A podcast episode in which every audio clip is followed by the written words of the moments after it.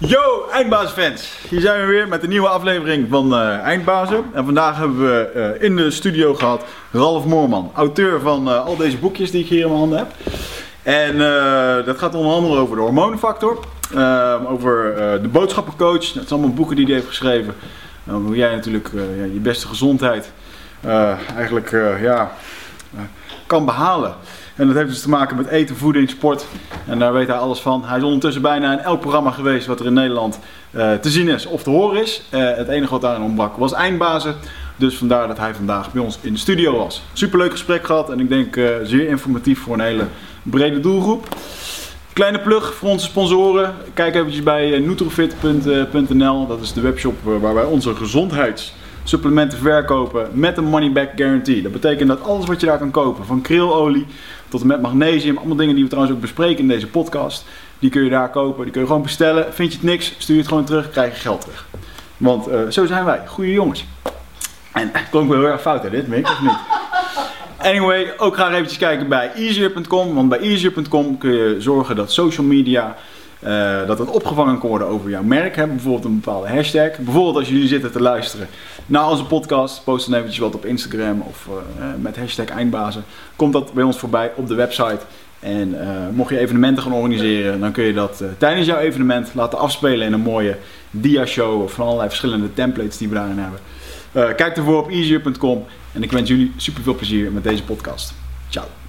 Deze podcast wordt gesponsord door Nutrofit leverancier van supplementen en trainingsmaterialen die je helpen bij het verkrijgen van Total Human Optimization. Tevens wordt deze podcast mogelijk gemaakt door Easier. Toon social media content over jouw merk op displays en websites.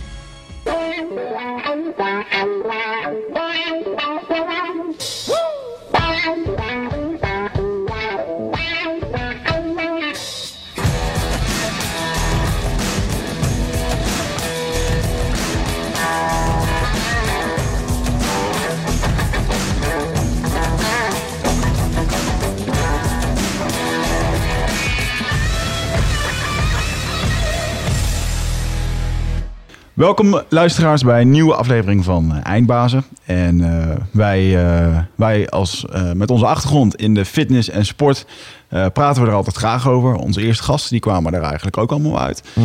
Dat rijtje. Toen is dat even een tijdje stil geweest. En ehm, toen bedachten we, we moeten weer een nieuwe fitness hier in de studio hebben. En vandaag hebben we die gevonden in de vorm van Ralf Moorman. Geen familie van mij overigens, of misschien verre familie met Meerman en Moorman. Meerman en Moorman. ja, nee. maar welkom dat je er bent. Um, ja, eventjes voor een introductie. Jij bent uh, auteur, spreker, adviseur, uh, eigenlijk alles op het gebied van uh, voeding en lifestyle ja. um, en sport. Jouw diamantje is hormoonfactor. Ja. daar gaan we het straks nog eventjes over hebben.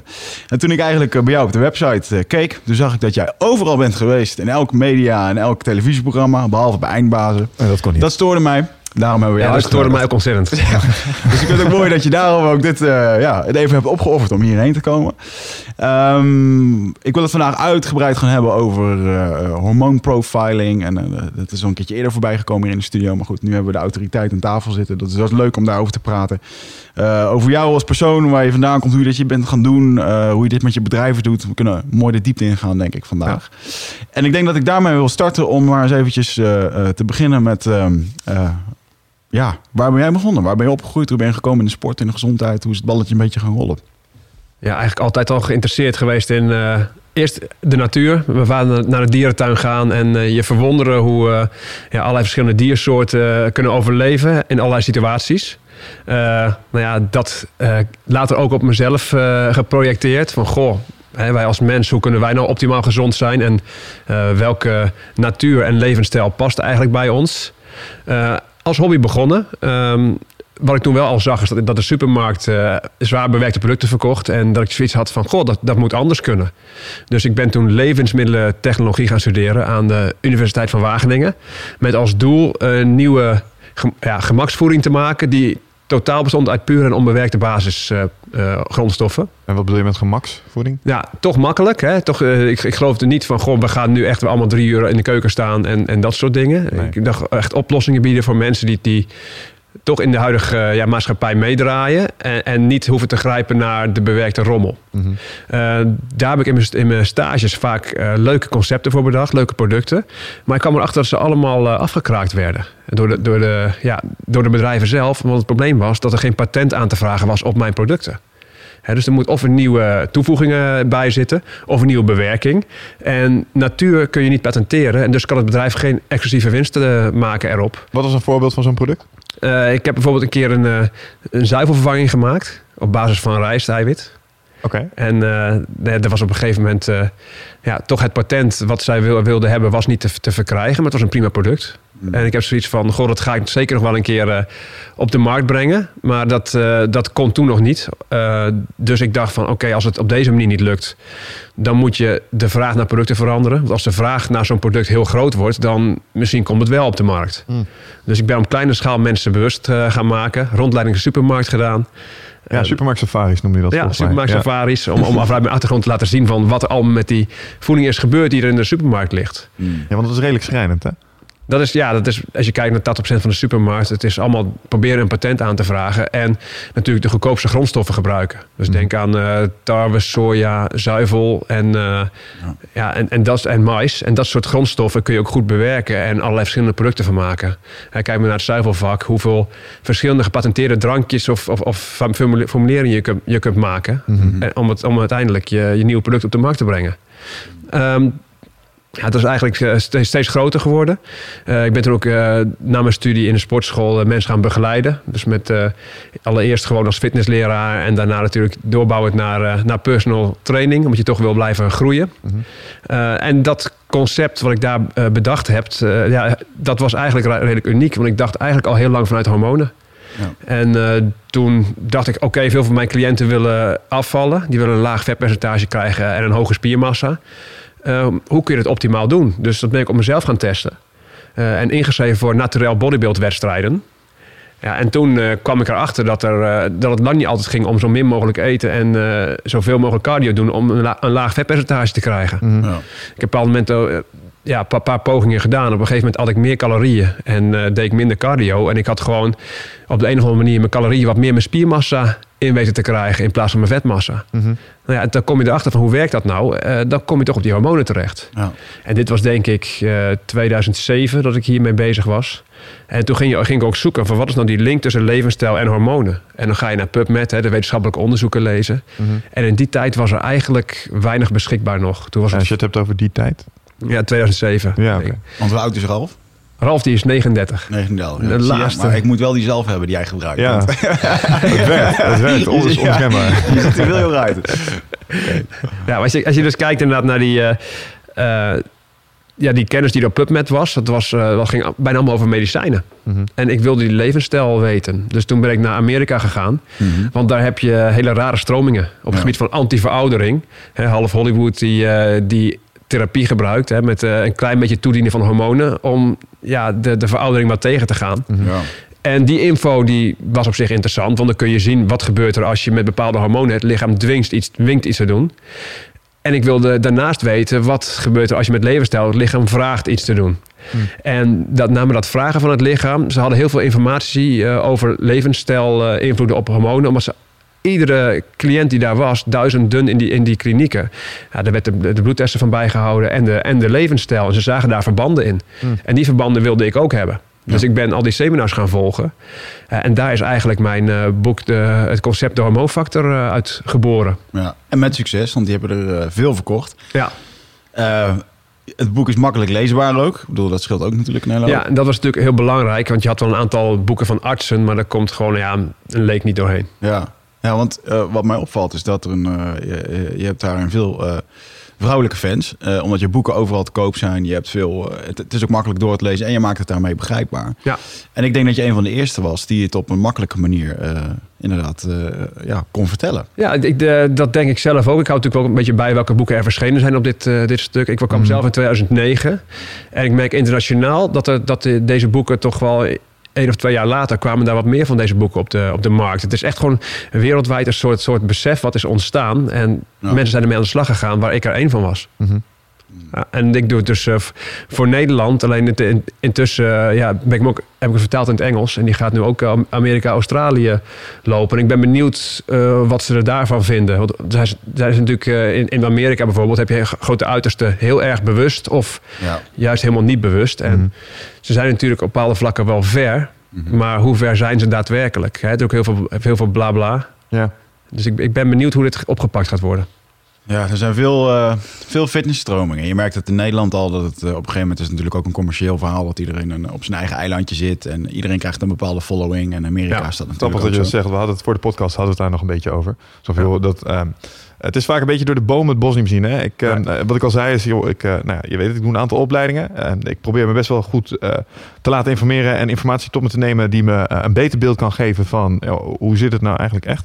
En wat me heel erg opvalt is dat ehm, zelfs dan eh, ga je op een gegeven moment, als je de diepte ingaat, dan blijkt dat bepaalde fundamenten toch altijd dat het, dat het net weer even iets anders zit of lijkt te zitten. En eh, dat bepaalde basisconcepten waarvan je denkt, hé, maar dit was toch wel gevestigde kennis. Ja. Dat dat in één keer niet meer lijkt te kloppen. En dan kan je best wel aan het twijfelen zetten over de route die je op een gegeven moment aan het bewandelen bent. Maar ja, dat is wat jij net een beetje aanraakt, eh, Wigert. Het is eh, soms ook wel eens moeilijk om te zien hoeveel daar toch eigenlijk een soort van ja, predik voor eigen parochie in zit. Met name om die eilandcultuur een klein beetje in stand te houden. Ja, maar het is ook, je moet aan de ene kant zien, je hebt een, een groot belang. Hè. Je wil natuurlijk eh, ja, Nederland en de wereld gezonder maken. Je wil mensen helpen. Maar daarnaast is het ook eh, commercieel. Hè. Want je moet ook allemaal je, je brood verdienen. En Ja. al die partijen die, die willen zich onderscheiden van elkaar. Ja. En het is natuurlijk heel interessant om te kijken voor deze partijen. Goh, waar kan ik eh, me onderscheiden van de ander? En het gaat meestal over details. Ja. En Als je hier nou een aantal mensen hier in de podcast zou zetten... van allerlei, die heel verschillend lijken. Een aantal instituten die tegenover elkaar staan. Mhm. En je gaat alleen maar vragen, wat zijn jullie eens? Dan kom je op heel veel dingen die we eens zijn. Ja. Alleen het wordt niet uitgemeten. Maar je moet onderscheidend zijn om je, om je Precies. te verdienen. Nou, Ja. weet je wat we net zeiden? hè? Het is allemaal het christendom. Alleen je bent in principe op een aantal detailpunten ben je aan het afwijken van elkaar. En dan, nou ja, dan krijg je verschillende stromingen van. Dus Ja. protestanten, gereformeerden. En het wordt ook interessant, want eh, als je het hebt over media... het is ook vooral verwarring za- zaaien en, en natuurlijk polariseren. Dat, dat, Ja. dat maakt het interessant voor mensen. En niet van, wat zijn we nou één? Van, dan ben je op een gegeven moment wel, ja, snel klaar. Ja, ja ik denk, want jij hebt natuurlijk nog ook de, de, de tijd meegemaakt. Waarbij je echt naar de fitnessbeurs moest gaan voor de laatste eh, trends en dingetjes. Maar Ja. vandaag de dag heb je gewoon het internet. En ehm, ja, eigenlijk verhalen die niet meer plausibel zijn, worden daar gewoon afgeslacht. En de transparantie in dit soort dingen, die wordt gewoon veel groter. Dus mensen hebben ook, ergens is het ook weer dat iedereen nu tegenwoordig naar Dr. Google gaat. Ja, wat, zo. wat ook Ja. heel erg gevaarlijk is. Maar als het goed is, doe je dat ook. Hè? Want ehm, eh, ja, niet over liegen. Op het moment dat eh, iemand als jij in de studio komt... eerste wat ik even google is Ralf Moorman, spatie kritiek. En dan kijk ik even wat de opmerkingen zijn die er worden gemaakt. En dat, ik denk dat dat ehm, soms iets is wat een aantal van die mensen... die in een bepaald eh, hokje zijn gaan zitten... ook eens wat vaker zouden moeten doen. Gewoon eens af en toe wel eventjes kijken naar de, de tegenargumenten die er zijn... voor specifieke stromingen. Maar, Ja, is, is eh, ook in- zo, maar ik, le- ik lees het zelf natuurlijk ook allemaal wat voor kritiek er is. Alleen de vraag is wanneer reageer ik? En, en het gaat natuurlijk ook een beetje over marketing. Ja. En ik reageer eigenlijk alleen als een partij groter is dan ik. ik, ja, maar ik denk dat Nou, reageren dat, is- sowieso... nou, dat is wel heerlijk. Maar ja, inderdaad. Ja, want als, als, als ik iemand die niet veel volgers heeft, als ik daarop inga, dan wordt diegene groter. Terwijl ja, ik kan, kan beter andersom zijn. Als het voedingscentrum mij aanvalt, nou dan share ik het op mijn Facebook overal, maakt niet uit en ik maak het groter. Ja, Ja. ja, dat is op zich wel slim. Ja, dat is wel slim, ja. Ja, er is natuurlijk altijd de vraag van inderdaad, wie reageert er? Want als dat inderdaad de jongen is die... eh, eh, toen ik van het SEALS afkwam en 19 jaar was en in de lokale sportschool werkte, dacht ik dat ik ook alles eh, wist over voedingssupplementen. Gehoord Mm. van de lokale bodybuilder eh, in de sportwinkel. Bosch. science, jongen. En, en dan, dan had ik, eh, eh, gelukkig was internet toen nog niet zo groot, maar dan had ik ook Ralf Moorman aan elkaar kunnen stellen met mijn mening, weet je wel. En dan, ik- ik- het is gewoon heel erg moeilijk om dat ehm, van achter een computer te bepalen. En zeker ook, hey, eh, als je ondernemer bent, dan moet je je tijd eigenlijk aan andere dingen Het steken. is ook zo, maar ik, ik, eh, eigenlijk de kritiek waar ik vooral op reageer is als ik gewoon persoonlijk benaderd word. Hè, ik krijg wel eens een mailtje of, of, of kijk, dat, dat is niet bedoeld om zichzelf groter te maken op te, om door mij af te kraken. Ja, Ja, maar voordat we daar helemaal op inzoomen, want we hebben het nu al over de, eh, de kritieken die op het eh, concept zijn. Ik ben eigenlijk ook wel benieuwd naar het concept zelf. Want het is, Ja. hè, en dat op zich natuurlijk ook gewoon een succesvol concept gebleken. Mensen hebben positieve ervaringen op basis van de dingen die, je Ja, dat die ze hebben voorgeschreven, goede resultaten gehaald. Ehm, wat zijn de pijlers van de hormoonfactor? Nou, ik denk belangrijke pijlers die heel meerdere stromingen hebben. Eh, natuurlijk vanuit de helikopterview beginnen. Vanuit de pijlers training, voeding, stress, mentaal. Eh, en, en daar ga je vervolgens kijken van waar, waar kun je het meeste winnen bij de, de persoon. En wat uniek is aan de hormoonfactor is dat je ook aan allerlei symptomen eh, mensen kunt gaan inschalen. Hè? Uh, Je kunt een boek schrijven, maar een boek is nooit voor iedereen. Ja, We zijn allemaal anders. Alleen door middel van het kijken naar symptomen van hormonale disbalansen... Ja, kun je jezelf een beetje inschalen in, uh, in, in hormonen. En voor specifieke hormonen zijn nog wat extra tips. Het is, het is niet zo dat als jij net op een ander hormoon uh, je disbalans hebt... dat dan compleet je levensstijl tot anders is. Alleen mm. wat details worden vervolgens bekeken. Ja. En, en dat maakt het denk ik leuk. En je kunt kijken vanuit hormonen, vanuit bloedgroepen, vanuit uh, chakra's. Er zijn zoveel manieren en, en, concepten om mensen in te delen. En ik denk vanuit hormonen. En, en in mijn opleidingen leer ik mensen ook vanuit hormonen te denken. En dat, dan kom je tot hele leuke inzichten. Ja, je noemde net een aantal uh, indicatoren waaraan je kunt waarnemen of mensen bijvoorbeeld een hormoondisbalans hebben of ja. onbalans hebben. Illustreer dat eens met een voorbeeld. Want ik kan me voorstellen, als je dit nu zit te luisteren, denk je, oh ja. Dus ik kan mezelf een soort van diagnosticeren. Ja, dat is met name eh, wat natuurlijk ook komt uit, de, de, seminars die ik uh, gevolgd heb in het buitenland. Hè. Mm. De, die bloedwaardes hadden ze altijd ernaast liggen en vervolgens natuurlijk symptomen. En dan ga je verbanden zien. Ja. denk bij een trage schildklier aan uh, ja, haaruitval wat kan plaatsvinden, droge huid, mm. vochtzakjes onder de ogen, zijkant wenkbrauw die wegvalt, vocht vasthouden in de enkels, in de, in de handen. En dat zijn indicaties van? Van, een, van een, bijvoorbeeld een, een schildklier, uh, trage schildklier eigenlijk. En een, het hoeft niet per se dat de schildklier zelf een probleem heeft, maar het kan ook een omzettingsprobleem zijn naar actief schildklierhormoon. Hm. Ja, en uh, dat is maar een voorbeeld. En zo heb je voor ieder hormoon herkenningspunten. Ja. En eigenlijk zijn die, uh, die symptomen belangrijker dan bloedwaardes. Hè? Want, want bloedwaardes vallen binnen referentiewaarden. En hm.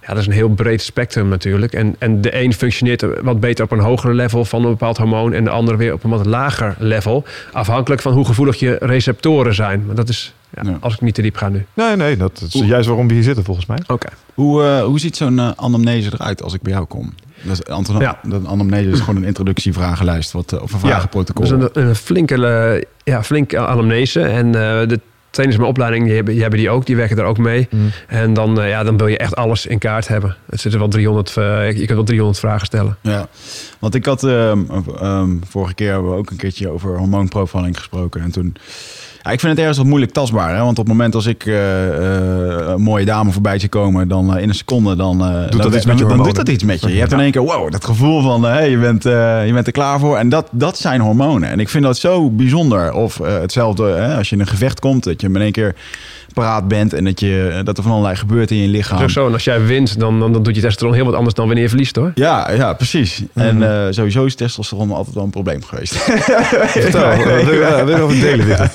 Nou, dat is de eigenlijke reden dat je hier bent. nee, maar ik vind het een... Uh, alleen het is vaak wat... Um, um, omdat het zo ontzettend vluchtig is en het echt in een seconde kan werken... is het voor mij ook heel erg ontastbaar. Het is een soort van... Um, ja, ik hou, het liefst zou je dingen gewoon tastbaar willen maken, zodat je het uh, kan verklaren. Ja, precies. En je, met name met hormonen werk je natuurlijk vanuit wat chronische dingen, mm -hmm. waardoor op een gegeven moment een disbalans kan ontstaan. Mm -hmm. En niet alleen bepaalde hormonen te, te laag in hoeveelheid aanwezig zijn, te weinig aangemaakt worden, eh, worden, maar ook dat receptoren niet goed werken, dat de afbraak bijvoorbeeld in de lever niet goed is. Ja. Uh, ja, en ook ten opzichte van andere hormonen, want het gaat meer om balans. Hè? Een soort van uh, ja, dirigent die een heel orkest aanstuurt. Ja. En uiteindelijk als één instrument verkeerd speelt, dan, dan merk je dat op, op je vitaliteit. Ja. Mm -hmm. ja, op de hele symfonie, dat is op ja. zich logisch. Maar ik kan me voorstellen dat het, uh, um, iemand komt bij jou en of iemand doet zo'n uh, zo'n zo, zo test en um, eigenlijk moet je gewoon eens kijken naar de geschiedenis van zo'n persoon. Wat hij de afgelopen jaren heeft gedaan. Er is veel stress geweest en dingen. Tuurlijk. Je kijkt altijd van wanneer ontstaat een, een disbalans ergens Mm. in. En dan ga je kijken, goh, wat is er rond die periode gebeurd en wat is er aan, voor, aan vooraf gegaan. Ja. En zo probeer je uiteindelijk een oorzaak eruit te, te halen. Uh, het is niet zo van, goh, ik zie nu een hormonale disbalans. Hier heb je supplementen en het is opgelost. Mhm. Je gaat altijd zoeken naar de diepste oorzaak. Ja.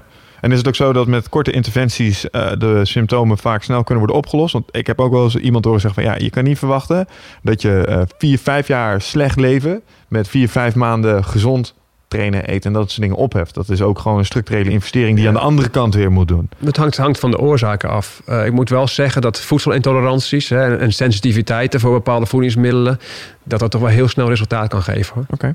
Ja, en, en die hebben natuurlijk ook wel wat chronische dingen, chronische stress en dat soort dingen. Dat, Mhm. dat, je kunt mensen uh, voor bij een burn-out best wel snel weer wat meer in hun kracht zetten. Maar het kan wel weer meer dan een jaar duren voordat echt alles weg is. Hè? Mm. Ja. Dus uh, ja, ik denk dat een boel mensen dat vaak onderschatten, dat gedeelte. Want het, het verraderlijk is natuurlijk aan, zo, aan een aantal van die uh, zeg maar, uh, ingrepen die er dan gebeuren, is dat je, je voelt je weer wat fitter. Dus ja. je gaat je ook weer wat fitter gedragen. maar eigenlijk ben je systeem dat nog steeds op overbelast is, ben je gewoon meteen weer aan het overvragen daarbij. Ja, dat is, is zeker dat is heel, heel verraderlijk. En helemaal ook als je weer wat kracht uit pillen haalt. Dus Je hebt natuurlijk supplementen die ik bijvoorbeeld bij na een burn-out je wat kracht kunnen geven. Maar Welke ook, beveel je daarin aan trouwens? Nou, eigenlijk je aan vitamine B5, hoog gedoseerd vitamine C. Hmm. Maar, maar gewoon, het blijft een symptoombestrijder. Ik bedoel, de oorzaak van die burn-out is niet een tekort aan vitamine ja, het zijn pleisters. C. Het zijn allemaal pleisters. Hmm. En soms zijn er uh, natuurartsen die zeggen... goh, we geven een klein beetje cortison. Dat is eigenlijk het stresshormoon... wat je dan uh, een klein beetje op de juiste momenten mist. Ja, niet te verwarren met cortisol, neem ik aan. Uh, ja, cortisol. Dat, dat, cortisol en ik, ik verstond met een N. Nee, maar je, je kunt verschillende varianten geven. Okay. Een, een natuurarts geeft hydrocortison. En hydrocortison is eigenlijk de bio-identieke cortisol. Terwijl natuurlijk de zwaardere cortisonen zijn prednison en, en, en noem maar op. Maar wat met name om gaat, is dat je je dan onmiddellijk beter kunt voelen. Ja. Hm. En dan kun je denken van, goh, ik voel me beter, mooi, het is opgelost. Ik ga weer uh, hetzelfde doen als wat ik deed. En ja. ja uiteindelijk stop je met dat spul en die, uh, ja, je lichaam uh, die geeft een soort van, uh, ja, die werkt juist tegen op dat moment en dan heb je het nog erger. Werk jij met mensen ook aan, aan de oorzaken van hun chronische stress? Is dat een onderdeel van je anamnese en dat ja, proactief aanpakken? Zeker. Ik moet wel zeggen dat als er, mijn trainers leren ook echt vanuit die helikopterview te beginnen, mm -hmm. maar je kunt niet expert zijn in alle alle facetten van het vak. Hè. En soms moet je ook doorverwijzen. Het is echt een, een netwerk. Als, uh, er zijn ook specifieke stresscounselors onder de trainers. Mm -hmm. uh, als het echt een wat moeilijkere stress, stress ja, casus is, dan stuur je toch door werk, en werk je samen. Ja, ja. en dat zijn dan vaak, dat vind ik dan wel weer interessant, die, die stresscasussen, is dat dan vaak psychische stress? Chronische psychische stress als gevolg van te hard werken of ja, dat, trauma? Of... Het kan inderdaad psychisch zijn, maar natuurlijk ook lichamelijk. Ik heb ook best wel mensen die te graag willen en daardoor overtrainen. Okay. Dat, dat ook, kan ook een reden zijn dat je, Mhm. dat je daarop onderuit gaat. Ja, want ik ben wel benieuwd over de linie heen, zeg maar. Want dan kom je denk ik wel in aanraking met een boel mensen die, eh, nou ja, de meters in het rood hebben staan. Ik ben wel benieuwd wat, wat, eh, of daar een soort patroon in te herkennen is. Hè, vanuit die helikopterview zijn heel vaak dat soort mensen die uit die business sector komen. Ja, nou, als, als je kijkt naar het, het, Ik gebruik een stressmodel waarin een aantal pijlers uh, zijn. Hmm. Ten eerste heb je de totaalstress. Dat is gewoon meetbaar. Hoeveel werk je, wat, wat heb je dat daadwerkelijk meegemaakt het laatste jaar? Hè? Dat, Hmm. dat is meetbaar. Daarnaast heb je sub subjectieve stress. Dat is hoe kijk je naar stress. En bepaalde stresspersoonlijkheden, daar gaat het ook vaak mis. Hè? Perfectionisten, compulsief helpers. Mhm. Dat is meer cognitieve gedragstherapie. En eigenlijk wat ik het meest gebruik om mensen snel weer op de been te krijgen, is vooral te kijken naar passie voor wat ze doen. Het, toch, wat geeft je energie, wat kost je energie? En als je, Passie. merkt, ja, als je merkt dat mensen de dingen gaan doen die ze energie geven, in de eerste fase van, van een burn-out werkt dat heel erg goed. Uh, je kunt niet zeggen van iemand is net in een, burn-out zit en die voelt zich beroerd. We gaan nou eens even werken aan je perfectionisme. Of, of, aan, je, Ja, ja. Of, of, aan je trauma bijvoorbeeld. Wat Ja. we even lekker boven gaan halen nu. Laten we daar eens eventjes in Hè, dus eigenlijk begin je eerst met mensen in hun energie zetten. Dingen gaan doen die ze energie geven. Mhm. Dat is soms beter dan als ze op de bank gaan liggen. Ja. Eh, en dan ga je natuurlijk met de voeding aan de slag. En eh, zou je bijvoorbeeld als pleister eh, vitamine C hoog gedoseerd kunnen doen. B5, eh, rhodiola, zo'n kruid wat je kunt geven. Mhm. Kunnen mensen zich inderdaad beter voelen. En zo gauw ze lichamelijk weer wat opknappen. Dan kun je aan de diepere oorzaken gaan werken. Ja. Laag voor laag. Mm. Ja, dat, maar als ik je goed begrijp, is dat wel een belangrijk facet. Ook in zeg maar, nou ja, het stukje stressregulering is een belangrijk onderdeel Ja. van het verhaal. Ja, ik denk, ik denk eigenlijk van de pijlers dat het toch wel de belangrijkste is. Ja. En het, wat we heel vaak, eh, wat ik heel vaak merk, is dat mensen toch wel die bij me komen heel erg geïnteresseerd zijn in voeding.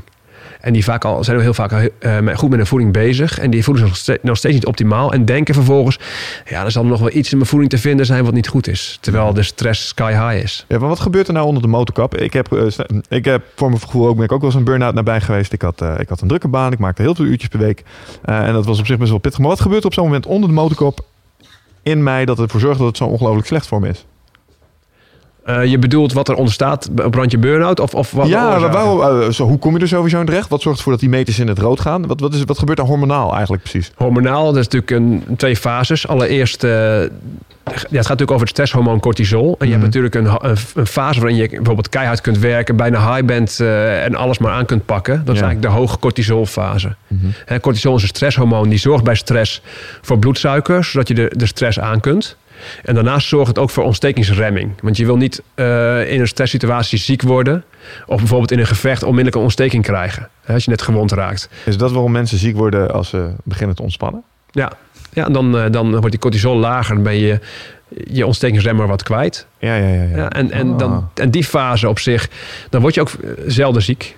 Ehm, ga, ga je er maar lang genoeg mee door, dan kan op een gegeven moment eh, de bijnier die de cortisol aanmaakt, eh, dat noem je als het ware uitgeput raken. Ja, dat is bijna Dat noem je bijnieruitputting, dat is een volgende fase. En, Ja. en dan kan het eigenlijk, door het totaal cortisol op een dag kan nog wel normaal lijken. Mhm. Alleen het is op de juiste momenten wordt het niet goed aangemaakt. Hè? Bijvoorbeeld s'morgens moet cortisol eh, je wakker schoppen. Dan wordt die heel hoog het level. Bij, eh, bij een burn-out dan word je ook moeilijk wakker. Dan merk je Mhm. gewoon dat het proces gaat niet goed. En s'avonds is cortisol juist weer wat aan de hoge kant. Dus dat, dan slaap je minder goed in. En het profiel van cortisol is dus met name veranderd op dat moment. En Hmm. ook als je op dat moment veel belasting van het immuunsysteem krijgt, dan kan het immuunsysteem niet goed geremd worden. Want na burn-out zie je bijvoorbeeld ook vaak gordelroos ontstaan, eh auto-immuunziektes, psoriasis in één keer na een Mhm. burn-out. Omdat je je eigen cortisonen dus kwijt bent. Is je ontstekingsremmer. Ah, en dat is eigenlijk gewoon het systeem dat in overdrive gaat op zo'n moment. Nou, hij, hij remt het niet, niet voldoende meer. Dus dan gaat je immuunsysteem te hard werken. In sommige gevallen kan het dus je eigen lichaam dan aanvallen. Ja. Auto-immuun. Ja, ja, ja. Dus het zit hem eigenlijk allemaal in het stukje cortisol. ja, het is eigenlijk gewoon cortisol. Nou, cortisol is natuurlijk een belangrijke functie. Niet alleen lage bloedsuiker kun je beroerd door voelen. Maar het meest gevaarlijke is gewoon dat je je ontstekingsremmer kwijtraakt. En die wordt dan vaak bij zo'n auto-immuunziekte of een, of een probleem wat dan ontstaat... wordt dan Mhm. weer toegediend van buitenaf. Hè? Cortisone, prednison, dat soort stoffen als medicijn. Wat ik wel grappig aan vind is dat de meeste impulsen die deze eh, reactie veroorzaken, het is allemaal mentaal. Het is allemaal hoe jij reageert op, op dingen Ja. die gebeuren in je omgeving. Hoe je daarmee om kunt gaan. En er zijn Ja. sommige mensen die, die kunnen ontzettend hoge totaalstress aan... omdat ze er op een bepaalde manier tegenaan kijken. Eh, een gezond relativeringsvermogen hebben. Ja. Werk je daar ook aan met je cliënten? Ja, absoluut. Vanuit dit, dit stressmodel. En ik merk met name de trainers die eh, geen mental coach zijn, die kunnen wel werken vanuit het, het passieplaatje. Mhm. Wat, wat geeft je energie, wat kost energie? En ook passie heeft juist bepaalde basisbehoeftes. Eh, bijvoorbeeld een balans tussen controle en uitdaging in je leven. Ik merk, daar werk je, werken we ook regelmatig aan. Ik bedoel, als je heel veel eh, controle hebt, eh, heb je soms geen uitdaging. En als je Mhm. te veel uitdaging hebt, kun je controle verliezen. Hè, denk aan ja, heft, heftige uitdaging die je hebt. En vervolgens ben je alleen maar de hele dag in een stressmodus... omdat je moet anticiperen op nieuwe dingen. Ja. Dat, is ook niet, dat geeft ook stress. ja, wat je eigenlijk zegt is er moet een bepaalde basis van voorspelbaarheid zijn, maar het moet wel spannend blijven. Ja, dat, dat is, ja, dat, is wel één thema. Dan moet je uniek zijn, maar ook verbonden. Ja, we zijn heel bijzonder en speciaal. best wel wat eh, bekende Nederlanders getraind. En die zijn ontzettend uniek, maar hebben moeite met verbinding. Ja. Omdat ook de vraag is van, goh, is die verbinding wel echt? Of willen ze met me- mij kennen vanwege een andere reden? Ja. Ja, is dat zo? Is dat een, eh, is dat een ding? Ja, dat is wel een issue, ja. Zou ik Kan me, kan, ja, kan me wel iets bij voorstellen. Kan, echt super onzeker. Ik kan, kan me voorstellen dat je er echt helemaal gek van wordt. Dat als je Ah. door de Kalverstraat heen loopt, dat van de 100 mensen je van de 80 niet kan lezen of dat ze je. ja. Ja, want iedereen denkt natuurlijk in termen van gewin Ja, op zo'n zo. moment. Ja, ja. Ehm, daarnaast is het belangrijk om te groeien en te leren. Als je niks meer leert of niet meer groeit in je wer- werk of in je überhaupt in je privéleven, dan, dan is, is het ook eh, passieverlagend. Mm. Stagnatie eigenlijk ja. gewoon. Ja, en je moet daarnaast ook het gevoel hebben dat je bijdraagt eh, ergens aan. Soms het gevoel dat je nuttig bent voor een ander. Dat zul je als trainer vaak hebben. Maar Mhm. ook als je bijvoorbeeld met een goed doel aan de slag gaat. Dat kan, kan je toch een levens, levensbezieling geven. Waardoor je meer passie hebt. En als al die dingen vervuld zijn. Waar we net over eh, spraken. En dat, dat is een juiste balans. Dan merk je dat mensen gewoon veel beter tegen stress kunnen. Ja. Ja. En dat is een heel snelle oplossing. En, En, ja, maar dat, dan zeg je dat is een snelle oplossing. Als ik Ja. dat dan probeer te vertalen, hè, dan, eh, dan stel ik me Ja. voor, je werkt bij een bedrijf en eh, je zit een beetje vast in je carrière. En er zijn allemaal eh, collega's om je heen die zijn vastgeroest en die willen niet meer. En de begrotingen worden niet gehaald. Het is één grote ellendige bende. Klanten klagen zich helemaal suf over je producten. Het is gewoon echt niet leuk. Wat adviseer je dat soort mensen dan? Ga, ga een andere baan zoeken? Gewoon wees rigoureus? Nou, Of? het is heel leuk om, om, om wat je nu allemaal noemt, juist in dat eh behoefteschema uit te gaan werken. Als je het Mhm. hebt over eh, de, de targets worden niet gehaald, ja, dan mis je controle. Dat soort. eh, Ja, ja, ja. zo Je gaat het weer terug en te, ja, terug naar die, naar die thema's brengen. En als je die, die- daar vervolgens oplossingen voor verzint, waardoor die thema's beter in balans zijn, dan is de allereerst, het allereerste herstel wordt dan ingezet. En waar ik het ook over had, eh, bijvoorbeeld perfectionisme of dat soort thema's, of Mhm. hele grote stress door trauma's van het laatste jaar, die komen dan later. Dus eerst beginnen wat mensen wat in hun kracht te krijgen. Ja. Dus gauw zij er klaar voor zijn, de volgende fase. En ik heb soms wel eens dat eh, mensen in het eerste gesprek eigenlijk lang niet alles prijsgeven. En dan ga je gewoon uit, vanuit die simpele, laagdrempelige stressfactoren ga je werken. Mhm. En dan herstellen de mensen. En dan komt het laatste moment bijvoorbeeld naar boven. Oh ja, seksueel misbruik. Ja. En dat wordt op het eerste moment niet, niet, niet eh, besproken, maar wel als de persoon zich weer beter voelt. Kom je zelfs op dat niveau? Want dat is wel echt heel... Ja, maar dat is de keuze. Ik heb zelf redelijk wat ervaring daarmee. Alleen, Mhm. t- er zijn ook trainers die doen alleen de eerste fase. En die hebben daarna zoiets van... Oké, nu is het tijd om naar eh, een cognitief gedragstherapeut te gaan voor je perfectionisme. Ja. Dat, is, dat is dan weer uh, Grappig wat je dat zegt hoor, want het is best wel lastig om voldoende rapport met mensen op te bouwen om, om Ja. dat vertrouwen te krijgen. Wat me wel opvalt is, dat, ik doe zelf ook wel eens dat soort dingen, dat sporten daar ongelooflijk bij helpt. Want eh, je zit natuurlijk ook een beetje in de training. Ga je ook eens met dat soort mensen gewoon fysiek aan de slag? Ja, juist. Ja, juist. En, en het grappige is, het, eh, bij, tijdens de training... eh, nou ja, ben je ook vaak met mental coaching bezig of met Ja, voeding. tuurlijk. En, en het, het, wat opvalt is dat er mensen makkelijk een afspraak maken om twee keer in de week te gaan trainen. Ja. Maar niet van, we gaan twee keer in de week over voeding hebben. Of twee keer in de week eh stresscounselingsuurtje doen. Nee. Nee, Ik denk dat het ook te maken heeft met die eh, eh, beloning die je direct na sporten voelt. ja, het is, het is gewoon ja, je fijn krijgt om te doen. Natuurlijk leuke, leuke stofjes die vrijkomen. En het is ook een voordeel dat als mensen met sporten bezig zijn, ze soms eh, een beetje ja, ge- gereset raken. Aha. Door bepaalde bewegingen die ze doen, tegengestelde bewegingen. Dat je op dat moment dieper kan doordringen op een persoon. Mhm. Ja. Ja, en dat geeft je denk ik ook wel een inzicht in, eh, eh, in hoe iemand in elkaar zit. Een van de, ik geloof dat eh Cron Gracie, die zei zoiets. Laat mij trainen met een man en eh, ik weet hoe die elkaar, of ik kan in zijn hart kijken of zo. Dat hoe je één ding doet, is hoe Ja. je alles doet, zeg maar. Dus als je mensen hun gedrag op de sportschool ziet, heb je ook al wel een redelijk idee van hoe ze zich in de rest van hun leven Ja, manifesteren. en, en zie je het verschil maar is dat als je een persoon op consult hebt die net van eh, een van de hoge directeursfunctie heeft, die heel keurig in pak eh, lekker in zijn schild aankomt, ja, dan heb je, heb je een ander gesprek mee dan wanneer hij voor het eerst eens een keer zijn oude, ja, oude korte broek weer en een oude sportschoen uit de kast gehaald heeft. En Ernstig uit zijn comfortzone. uit zijn Ja, comfortzone. Ja. En dan kun je toch meer. Hij moet even van dat voetstuk af wat hij Ja. in het dagelijks leven is wel grappig hoe dat werkt inderdaad. Dat klopt, dat ken ik wel. Als je in een pak ergens aan kan lopen met je mooie overjas, dat kan echt als battle armor voelen. Ja, je voelt je gewoon sterker op een of andere manier. Maar ik kan me ook voorstellen dat eh, de bekende Nederlander die, eh, die dan eindelijk lekker zichzelf bij Ralf kan zijn. Ja, kan ik me ook wel wat bij voorstellen, weet je wel. Ja. ja, ja, ja. Even gewoon, eh, want ja, ik weet je, ik ben zelf een fitnessinstructeur geweest en eh, ja, je stond vaker gewoon met mensen gewoon te lullen over eh, privézaken en dingen. Dat je af en toe dacht van ben ik hier gewoon een sociaal werker. Eigenlijk wel. Ja. Mensen willen gewoon aandacht uiteindelijk, weet je wel. Ja, je hoort er vaak discussies over. Dat je zegt van, goh, eh bepaalde personal trainers die zoiets hebben van, goh, nee, ik, eh, je betaalt me niet over, om vriend te zijn. Je betaalt me om dat ik jou met de training over de kling jaag. Ja. En ik Ja. heb zelfs zoiets van, ja, om mensen echt goed te begeleiden is het wel handig om ook eh, dieper door te dringen als eh, vertrouwenspersoon. Jawel, maar dat is situationeel. En soms is het ook wel zo, want sommige mensen vinden het fantastisch om over de kling gejaagd te worden. En dan verbaas je je over de dingen Ja. die ze allemaal hebben gedaan. Dan komen ze na de tijd nog bedanken ook. Van, oh, was echt fijn, Mm. weet je wel. Ja. Stond de kok als boven het prullenbak, maar prima. Ja, Ja, je snapt het niet altijd. Maar Maar, je, je kan bijna niet anders dan als iemand 's ochtends om 7 uur zijn bed uitkomt. Eerst nog even een ruzie heeft met zijn vriendin. En vervolgens overal van baalt. En even zijn e-mailbox opent en om 8 uur bij jou op de mat staat. Dat hij dat niet helemaal meeneemt. Dan moet je Daar sterk over hebben. Ja, nee, 100% waar. Precies. Zeker als je iemand even op de pets neemt, dan, eh, dan moet dat eruit komen. Precies, en er zijn natuurlijk ook heel veel mensen die eigenlijk eh, ja, zel- zelden mensen eh, over dit soort dingen kunnen spreken. Die natuurlijk ontzettend drukke banen hebben. En ook Mm. een baan waar je niet even gaat zeggen van... goh, ik merk dat ik tegen een burn-out aanloop. Dat is een teken van zwakte. Ja, dat Mm, soort dingen niet. krijg je. Ja. Ja. ja, het is ook lastig. Want ik ben zelf ook wel een beetje in een herstellende van zoiets. Na tien maanden op kantoor slapen, een hoop gestrest, twee bedrijven en eh, eh, alles wat groeit. En op een gegeven moment ook gewoon te veel geworden. Maar ik merk wel dat het, het valt me tegen over hoe lang dat het duurt. Je bent er niet binnen. Ik dacht alweer van, ah, Ja, precies. eh, acht weken, doen we Ja, wel, tuurlijk. weet je. En, eh, maar heb, heb je alle oorzaken eruit getrokken? Dat is natuurlijk ook de vraag. hè? Oh, nou ja, ik ben zeker goed. be- Gewoon, het is gewoon te hard gegroeid. En zeker de. Joh, ik sliep in een kantoor waar drie keer per nacht alarmen afgingen. Waar andere bedrijven binnenkwamen. En dat heb ik tien maanden volgehouden. Eh, en ik sliep er ook nog een keer in een soort van geheim. Eh, alles om de droom na te jagen, weet je. En dan zit inderdaad, joh, ik, eh, ik stond daar 's ochtends om zes uur op en ik stond op, op adrenaline. Ik was meteen klaar en ik was ik, aan het werk. En dat deed ik tot s'avonds tien uur. En op een gegeven moment merkte ik zelfs dat ik mijn trainingen, die normaal bestonden uit acht oefeningen, dat ik die afraffelde tot de drie grootste oefeningen, zodat ik weer aan het werk kon. Ja. Omdat ik anders bang was dat het niet afkwam, wat dan ook. En merk je ook dat, dat je energie wat meer richting de avond ging verschuiven? Ja, s'avonds was ik altijd wel, ik heb altijd wel de piek 's ochtends en 's avonds. Ehm, Op het eind ook nog? Ja, nou, op het einde. ehm, Die ochtend nog?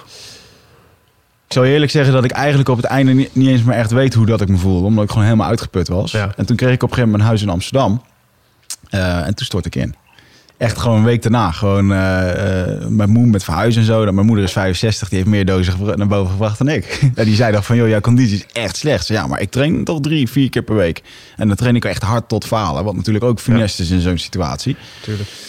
En ehm, eh, uiteindelijk ging dat met een paar weken zo verder. Ja, wat is uiteindelijk de, de, eh, de stress? Dus een, eh, een hele hoop stress leg- eh, maak je jezelf ook wijs. En eh, ik kan er nu veel relaxter naar kijken. En veel, eh, eh, maar het heeft wel een paar weken geduurd ook om het te beseffen. Eh, want ik ben natuurlijk ook gewoon een sporter en een winnaar. En eh, eh, Ja, en Ja, je, bent, je bent toch niet zwak? nou ja, dat gevoel heb ik heel erg. En ja. zeker ook het vertellen naar degene waar je verantwoording moet afleggen. En in mijn geval is dat dan een investeerder. Ja, die ziet je aankomen, weet je al. Ja. Plus de onzekerheid die erbij komt. Van ja, want al ik werk voor mezelf. Dus als ik wegval, dan... ik heb niet de verzekering van eh 350 euro per maand die... dat, geen controle. dat Eh, wat ik overigens sowieso al een, een grote flutverzekering vind. volgens mij denken heel veel ondernemers daar hetzelfde over. Maar het was vooral eventjes, ik dacht, nou, weet je, even voeding aanpassen en wat supplementen en het gaat alweer. Maar dat zijn inderdaad eh, eh, de ups en downs, die vond ik vooral heel tegenvallen. Eh, maar vooral het feit dat ik echt dagen heb gehad dat ik dacht van, ik hoor gewoon niet meer beter. Ik weet gewoon niet meer wat goed of wat, eh, wat niet goed eh, voelt. En dat is zo raar, dat je gewoon... en het uit zich ook op verschillende manieren. We hebben natuurlijk met meerdere mensen erover gesproken. Want nu, nu ik het vertel, zijn er eigenlijk best wel veel mensen om mij heen die eh, het ook ervaren hebben. En ik durf eerlijk wel te zeggen dat het bij mij in een lichte vorm is gekomen. Van de dingen die ik heb. En omdat ik vooral ook wel heel bewust ben in, de dingen die ik doe. Ehm, maar ik merk dat een hele hoop mensen eh, die niet in die passie zitten. Want dat zit ik absoluut wel. Ja. Alleen ik zit wel in de modus dat, het, eh, dat ik alles wil aanpakken. En het moet allemaal maar tegelijk en het liefst zo snel mogelijk. En dan ook nog perfectionistisch. Dat is een beetje mijn valkuil, denk ik. Maar ik merk wel dat een hele hoop mensen ehm, ja, best wel veel moeite hebben om, eh, om uit dat mentale dal te komen. En dat gevoel heb ik niet. Ik heb geen mentaal dal, weet je wel. Het is bij mij echt een fysieke uitputting. eh, Dat kan heel goed. Ja. En eh, jouw eerste actie was met name voeding en supplementen. Hoor ik dat goed? Nou ja, omdat ik ook merkte dat ik gewoon wat helemaal niet bij mij past. Van, hey, ik heb zelfs een voedingssupplementenbedrijf, dus waarom zou je zelf in één keer? Maar ik merkte gewoon dat ik alles op gemak deed. Alles maar even snel. En, dus ik ging slechter eten. Liet bepaalde dingen eh, maar zitten. En eh, ik denk dat gewoon, het gewoon een, een, eigenlijk een lamheid die over alles heen kwam. Over je gedrag, over je fysiek. En eh, het maakte op een gegeven moment allemaal niet meer zoveel uit of zo, denk ik. Ik denk dat dat het was. Ja. En, en ook het sporten, weet je wel. Dat je gewoon, ik merk nu pas echt, ben nu weer aan het trainen, Braziliaanse jiu-jitsu aan het doen. Ik merk nu pas hoe slecht mijn conditie is. Ja. Gewoon, dus ik doe het nu ook lekker gewoon op mijn eigen tempootje. En, Maar je hebt niet eh, de laag cortisol klachten gehad met ontstekingen of andere... pijn aan mijn nieren, pijn aan mijn, eh, mijn darmen en dingen. Ja. Verteringsstelsel, wat af en toe echt nog steeds helemaal eh, naar de kloot is, ik wel te zeggen. Ja. Maar dat heeft, dat heeft gewoon weken nodig. En ehm Ja. ik merk ook dat als ik weer een keer stress heb, dat ik daar meteen weer last van krijg. Dus, ja, dus als je er echt uit bent, dan ben je waarschijnlijk... moet je echt werken. Dan kom, het komt niet aan alle, alle oorzaken. Misschien je perfectionisme of andere dingen die je tegenkomt. ja. En dan gaat hij een keer genezen. Ja, nou, bij mij, heeft het, duren. bij mij heeft het vooral eh, eh, heel erg aangezet om, eh, om wat meer dingen te gaan outsourcen en niet alles zelf te willen doen. En gewoon, Ja, dat is weer totaal stress. Hè? Dat is meer time management, delegeren. ja, maar ik denk wel dat daar een hele hoop, daar kan ik een hele hoop in halen. En ik merk dat ik daar ook, ja, ehm, relaxed onder word, zeg maar. Dus ik moet dat, eh, nou ja, goed, daar maken we meteen, hebben we meteen stappen voor gemaakt. Alleen het is gewoon niet zomaar gedaan van de een op de andere dag. Nee. Kijk, als je voor een bedrijf werkt, dan kan je vier maanden thuis zitten. En dan kun je daarna beginnen aan de dingen die je echt leuk vindt. Dan mag je dat twee uur per week doen. Ja, dat zit er bij ons gewoon niet in. En eerlijk gezegd wil ik dat ook helemaal niet. Want ik heb ook gewoon zoiets van, als je stil op de bank gaat zitten... joh, ik zou er ook dood ongelukkig van worden. Ga je alleen maar lopen malen en doen. Nee, maar En, dat, eh, dat lost in veel gevallen ook helemaal niks op. ja, Nee, kun je beter binnen je passie wel dingen doen in plaats van rusten. ja. Ja, dat vind ik nog wel eens lastig met passie. Ik, eh, ik mag het zelf ook graag als advies geven. Joh, eh, er zat die Remco Klaassen, die had een hele mooie. Zorg dat je in je kwispel gaat zitten. Maar ik denk wel eens, als iedereen dat gaat doen... dan blijven er van de kutbaantjes blijft er niemand meer over om dat te doen. Snap wat ik bedoel? Het is, Ja. het is heel lastig om... Maar gelukkig zijn er mensen die, ik had over al die basisdingen. Mhm. Hè, bijvoorbeeld het lopende bandwerk of de andere, dus, dus, de, of, of boekhouding of weet ik veel wat voor dingen die, waar ik niet aan moet denken. Ja, gelukkig zijn we al verschillend bedoel je. Ja, er zijn mensen die heel blij zijn met ontzettend veel controle bijvoorbeeld. Hè? Controle, uitdaging. En sommige mensen hebben het liefst iets wat ze iedere dag van bepaalde tijd kunnen doen. Hè? Van 9 tot 5. Mhm. En precies weten wat ze moeten doen. Voelen zich daar heerlijk bij. ja. Ik vind dat moeilijk. Een accountant. Ja. Ik ja, het is ook waar. Ja, het is net zoals sommige mensen ervoor kiezen om tandarts te worden. Ja. Er is ook iets mis met je, volgens mij. Precies, maar gelukkig zijn er allemaal verschillende personen. En uiteindelijk komt het hopelijk goed. Absoluut. Hey, ehm eventjes terug naar eh, het hormoonprofiling. Want ehm, ehm, ja, hormonen is echt miniwerk. Ehm, wat, hoe is die wetenschap daar in de afgelopen jaren eh, een beetje eh, eh, ontwikkeld? Want ik weet dat bijvoorbeeld over neurologie in de afgelopen jaren. Ik geloof dat tot en met 1994 alle feitjes die we toen wisten, daar schijnt echt 90% van gewoon niet te kloppen. En natuurlijk is dat ook wetenschap, hè? dat moet Ja. continu herzien worden.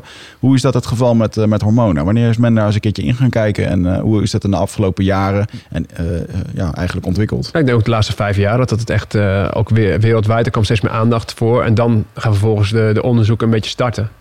Eh, er veranderen zeker dingen op het gebied van, eh, van hormonen. Ik denk met name ook eh, dat insuline behoorlijk onder de loep genomen is.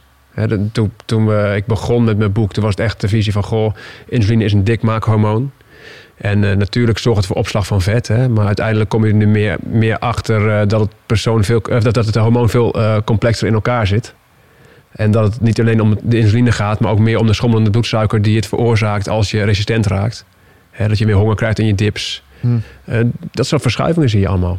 Ja, want wat, eh, dus stel je bent geen biochemicus of bioloog. Wat, wat doet insuline voor je? Ja, insuline is dus een, eh, een hormoon wat aangemaakt wordt eh, na, na het eten van een maaltijd. En eh, met name su- suikers en koolhydraten zorgen ervoor dat het hormoon stijgt in level. Daarnaast doet eiwitten doen dat ook. En een belangrijke functie is eh, het transport eh, van stoffen vanuit het bloed naar de cel. En het werd altijd bekend inderdaad, eh, met name dat, dat suikers werden opgenomen in, dat in de cel. Maar insuline kan ook bezig zijn met het transporteren van eiwitten Mhm. de cel in. Ja. Eh, en die receptoren die, ja, die zijn nogal kwetsbaar. Bij een slechte levensstijl kunnen die eh, minder gaan functioneren. Met als gevolg dat die, dat die receptoren eh, resistent raken. Tegen de insuline. Ja, En dat- dus minder energieafgifte tot gevolg hebben. nou, met name dat het bloedsuiker niet zo snel naar beneden gaat ook. Natuurlijk ook min- minder energieafgifte klopt ook wel. Maar Ja. die bloedsuiker die wil dan minder goed naar beneden. En het lichaam heeft dan een soort compensatiereactie door extra veel insuline aan te maken. Zoveel zelfs dat je uiteindelijk het in een noodtoestand in een dip gaat trekken. Dus de bloedsuiker als eerst te hoog en het lichaam denkt shit, ik krijg hem niet naar beneden. Maak zoveel insuline aan dat je uiteindelijk eh, te ver naar beneden Dit is de, de infameuze bloedsuikerdip. Ja, dat is de, de bekende bloedsuiker. Dus eh, ja, eh, de meeste mensen kennen het wel. Je, hebt, eh, je bent op kantoor, je gaat lekker lunchen met je collega's in de stad. Ja, iedereen Ja. eet twee van die witte bolletjes met kaas of iets anders. En je komt op kantoor en tot vier uur komt er niks meer uit je vingers, want je bent loom, lui, moe. Ja. En dat is dit. Ja, nou, dat, dat kan dat zijn. Hè? Je, je merkt ook wel na een maaltijd, het zijn meerdere redenen waarom je je suf voelt. Iemand die resistent is, is meestal ook out shape hoor. Iemand een heel, met een heel laag vetpercentage is zelden insulineresistent. Dus Mm. ik denk veel van jullie uh, vechtsportvrienden die zullen niet resistent zijn. Wat het ook kan zijn, is eh, gewoon voedselintoleranties. Of, of eh, sensitiviteiten. Je merkt Mm. er ook wel van dat mensen die niet goed tegen gluten kunnen bijvoorbeeld... dat die na een pasta maaltijd die dip krijgen en na een Mm. rijstmaaltijd niet. Ja. En dan merk je, je, je rea- die reageren gevoelig op gluten. En dat betekent dat het immuunsysteem geactiveerd wordt. En dat kost energie. Ja. Oh. Het is altijd moeilijk om dat ehm, eh, bij mensen aan de kaak te stellen. Want eh, eh, van wanneer krijg je nou een dip? Want ik zie een eh, ik, Ja. ik werk in een, een kantoor waar 35 eh, eh, computer... eh, nerds aan tafel zitten. En die zitten, dan te, die nou ja, die zitten dan te lunchen. En dan eh, weet je, die lunches is ook echt helemaal niet wat ik zou aandragen. Of wat dan ook. Ik zou het liefst gewoon lekker vers eten daar koken en doen. eh, maar goed, weet je. Whatever. Ehm, maar dan zie je wel dat daar mensen die schuiven dan eh, acht tosties naar binnen. En met ketchup en dingetjes. En dan, eh, Tosties. maar dan denk ik eigenlijk van ja jongens, jullie leven echt zo ontzettend slecht. Volgens mij voel je zelfs niet eens meer waar de pijntjes zitten of waar de gevoeligheid zit. En hetzelfde met topsporters. Ik had het van het weekend nog over met een eh oude profbodybuilder die zichzelf helemaal scheef heeft getraind en met rugblessures. Maar ja, je bent zo in die modus van altijd pijn en altijd voluit gaan dat je jezelf gewoon helemaal vergeet in dat opzicht. Dus ik denk dat een hele hoop mensen die eh, een, eh, ja, een glutentolerantie of wat dan ook, of intolerantie, Mm. dat ze geen eens een idee hebben waar ze moeten beginnen om dat te Nou ja, dat is ook een groot verschil. De ene, de ene persoon denkt wanneer hij een opgeblazen gevoel krijgt van... goh, ik heb nou genoeg gegeten, ik ben verzadigd. Terwijl de andere merkt van jeetje, ik knal uit elkaar, dit is helemaal niet goed. Ja. En je merkt pas het verschil als je dat eruit gooit uit je voeding... en je bent niet meer opgeblazen. Ja. En ik zelf dacht ook dat ik me heel erg goed voelde. Mhm. Ik kan zelf ook niet zo goed tegen eh, gluten. Ik heb geen celiakie, maar ik ben wel behoorlijk sensitief ervoor. Ja, en pas toen ik eruit gooide, dan merk ik, verdorie, ik, kon me nog, ik kan me nog veel beter voelen, joh. Mhm. En die, die puisten op mijn rug, die, eh, hey, die kunnen toch weg. Hm. Ja, want dat zijn wel. ehm, eh, dat zijn echt typische eh, eh, tekenen aan de wand dat je ergens een intolerantie voor hebt. Hè? Dat je ontsteking aan je huid krijgt, dat je gaat toeteren ervan aan de achterkant. Dat is een opgeblazen gevoel. Ja. En over het algemeen, als je dat. Kan het zo zijn, dat, eh, moet je het net gegeten hebben voordat je die symptomen krijgt? Bijvoorbeeld een opgeblazen gevoel of kan het ook een dag daarna zijn? Of, Ja, Volgens mij is dat het probleem een beetje met die dingen. Waar reageer ik nou precies op? Het kan zich ook later, later uiten. Je hebt natuurlijk een reactie van je immuunsysteem. Die is meestal redelijk snel. Mm. Op eh, bijvoorbeeld als we heel veel gluten hebben. Maar eh, na het eten van gluten kunnen ook bepaalde stofjes vrijkomen. Die dingen zoals ADHD triggeren en dat soort klachtjes. En dat is vaak later. Die blijven nog heel lang in je systeem zitten. Ah, want gluten, dat wordt natuurlijk vaak ook eh, onlosmakelijk verbonden aan het eten van brood. Ja. Ehm, en de laatste tijd zie ik juist weer een beweging eh, terug naar brood. In de zin van, ja, we hebben hè, mensen die zelfs in, eh, in- op ons Facebook-netwerk zitten, die, die zitten ook in de supplementen. Ja, sorry, ik heb ook een soort van schuldig gemaakt aan het demoniseren van brood. Maar nu we erop terugkijken, lijkt het allemaal toch nog wel enigszins mee te vallen. Ja. En dit is weer typisch zo'n dingetje van, ik- maar hoe Dat zit het dan nou de- precies, je- jongens? Weet je, Je- wel? je hebt- ja, het is, het is heel lastig te zeggen. hè. Kijk, je hebt, eh, ik las la- laatst weer een heel artikel over dat het allemaal onzin was. En dat, eh, dat er maar nog, nog niet 1% van de bevolking heeft celiakie. En dan denk ik van ja. Het gaat helemaal niet over celiakie, de auto-immuunziekte. Het gaat over sensitief zijn, klachtjes zijn. Het is niet meetbaar. Ja, je hoeft niet meteen eh, volledig eh, deze aandoening te hebben. Je kan ook Nee. ergens in het spectrum in het midden hangen. Ja, en iemand die, die sensitief is, die, die hoeft niet eens per se naar, naar nul gluten te gaan. Maar gewoon beduidend minder. Niet met twee keer per dag brood, eh, s s'avonds pasta. Ja. Ehm, wanneer ik iemand pas serieus neem als dit gezegd wordt, is als iemand zegt van goh, ik heb nu 200 mensen begeleid en ik merk dat het toch wel heel erg meevalt. Dan denk ik, ja, daar kan ik wat mee. Hè, Want Mhm. het gaat om praktijkervaring. Ik zelf wist het ook niet dat ik het had. En ik heb er inmiddels duizenden mensen mee begeleid. Mhm. En ik zie gewoon eh, dat het veel meer is dan eh, sensitiviteit, wat ze nou zeggen in onderzoeken, 4%. Nou, het is echt veel en veel meer. En, Oh. en, en het is natuurlijk heel veel belangen die spelen. De broodbranche die wil het in een goed daglicht eh, houden Mhm. ja, wat is wel en wat is niet waar. Het- het- ik heb zoiets van, goh, als je er geen ervaring mee, mee hebt, hou dan lekker je mond. Ja. Ja, dat is waar. Nou, wat wij dan proberen te doen is gewoon de a- andere soorten brood halen. Zoals bijvoorbeeld spelt en zuurdesem. Maar ik weet niet of je daar de problemen mee omzeilt. Nou, de, Meer al? het verschil tussen een gewoon tarwebrood en, eh en spelddesem. Eh, Mm. spelt wat, we- bevat wel gluten. Maar er zitten bepaalde koolhydraatsoorten zit er niet in. We weten ook nog niet eens bij glutensensitiviteit of het de gluten wel is. Misschien is het ook een combinatie met andere. Met andere stoffen. En zo Mm. zitten er bepaalde koolhydraten in. Dat noem je FODMAPs. Nog nooit van gehoord. Ja, daar kun je eens over lezen. Dat is ook een dieet dat ze gebruiken. Het FODMAP-dieet bij prikkelbare darmsyndroom. Oké. En dan ga je van bijvoorbeeld van tarwe naar spelt. Want spelt heeft die koolhydraten niet in zich. En sommige mensen knappen op door, door ja, dus naar spelt te gaan. En dan gaat het niet om gluten, maar gaat het om FODMAPs. Ja. Ehm, dan heb je het over gist. Sommige mensen kunnen niet goed tegen gist, maar wel weer tegen decem. Dus speldecem is al voor veel mensen een, eh, maakt je het lichaam een stuk makkelijker mee. Mhm. Degenen die op gluten reageren, reageren nog steeds op spelt. Dus ik merkte echt van, eh, van god, daar, daar mist een product. Hè. Echt, echt goed glutenvrij brood bestaat daar niet. Want het is bijna allemaal van gebrande suiker gemaakt en allerlei toevoegingen. ja, dat is het ene kwaad met het andere kwaad vervangen. Ja, precies. Dus kun je zeggen, oh, ik eet glutenvrij. En voor mensen die sensitief zijn is dat een gezonde keuze. Maar dan moet je ook naar de rest kijken. Ja. En in dit geval zitten er heel veel ongezonde eigenschappen aan. Vandaar dat ik ook van mijn achtergrond eh, een brood ontwikkeld heb. Het komt in week 50 komt dat, eh, op de markt bij de Jumbo. Week 50, dat is in, in eh, Ja, normale mensentaal is dat... De December. begin december, ja. Voor de kerst, jongen. Ja, Iedereen gezond kerst in. Iedereen aan de Door het brood van brood. Ralf. Ja. Is het lekker brood? ja, het is lekker. Een En broodje ik Ralf. ben er jaren mee, Ja. mee bezig.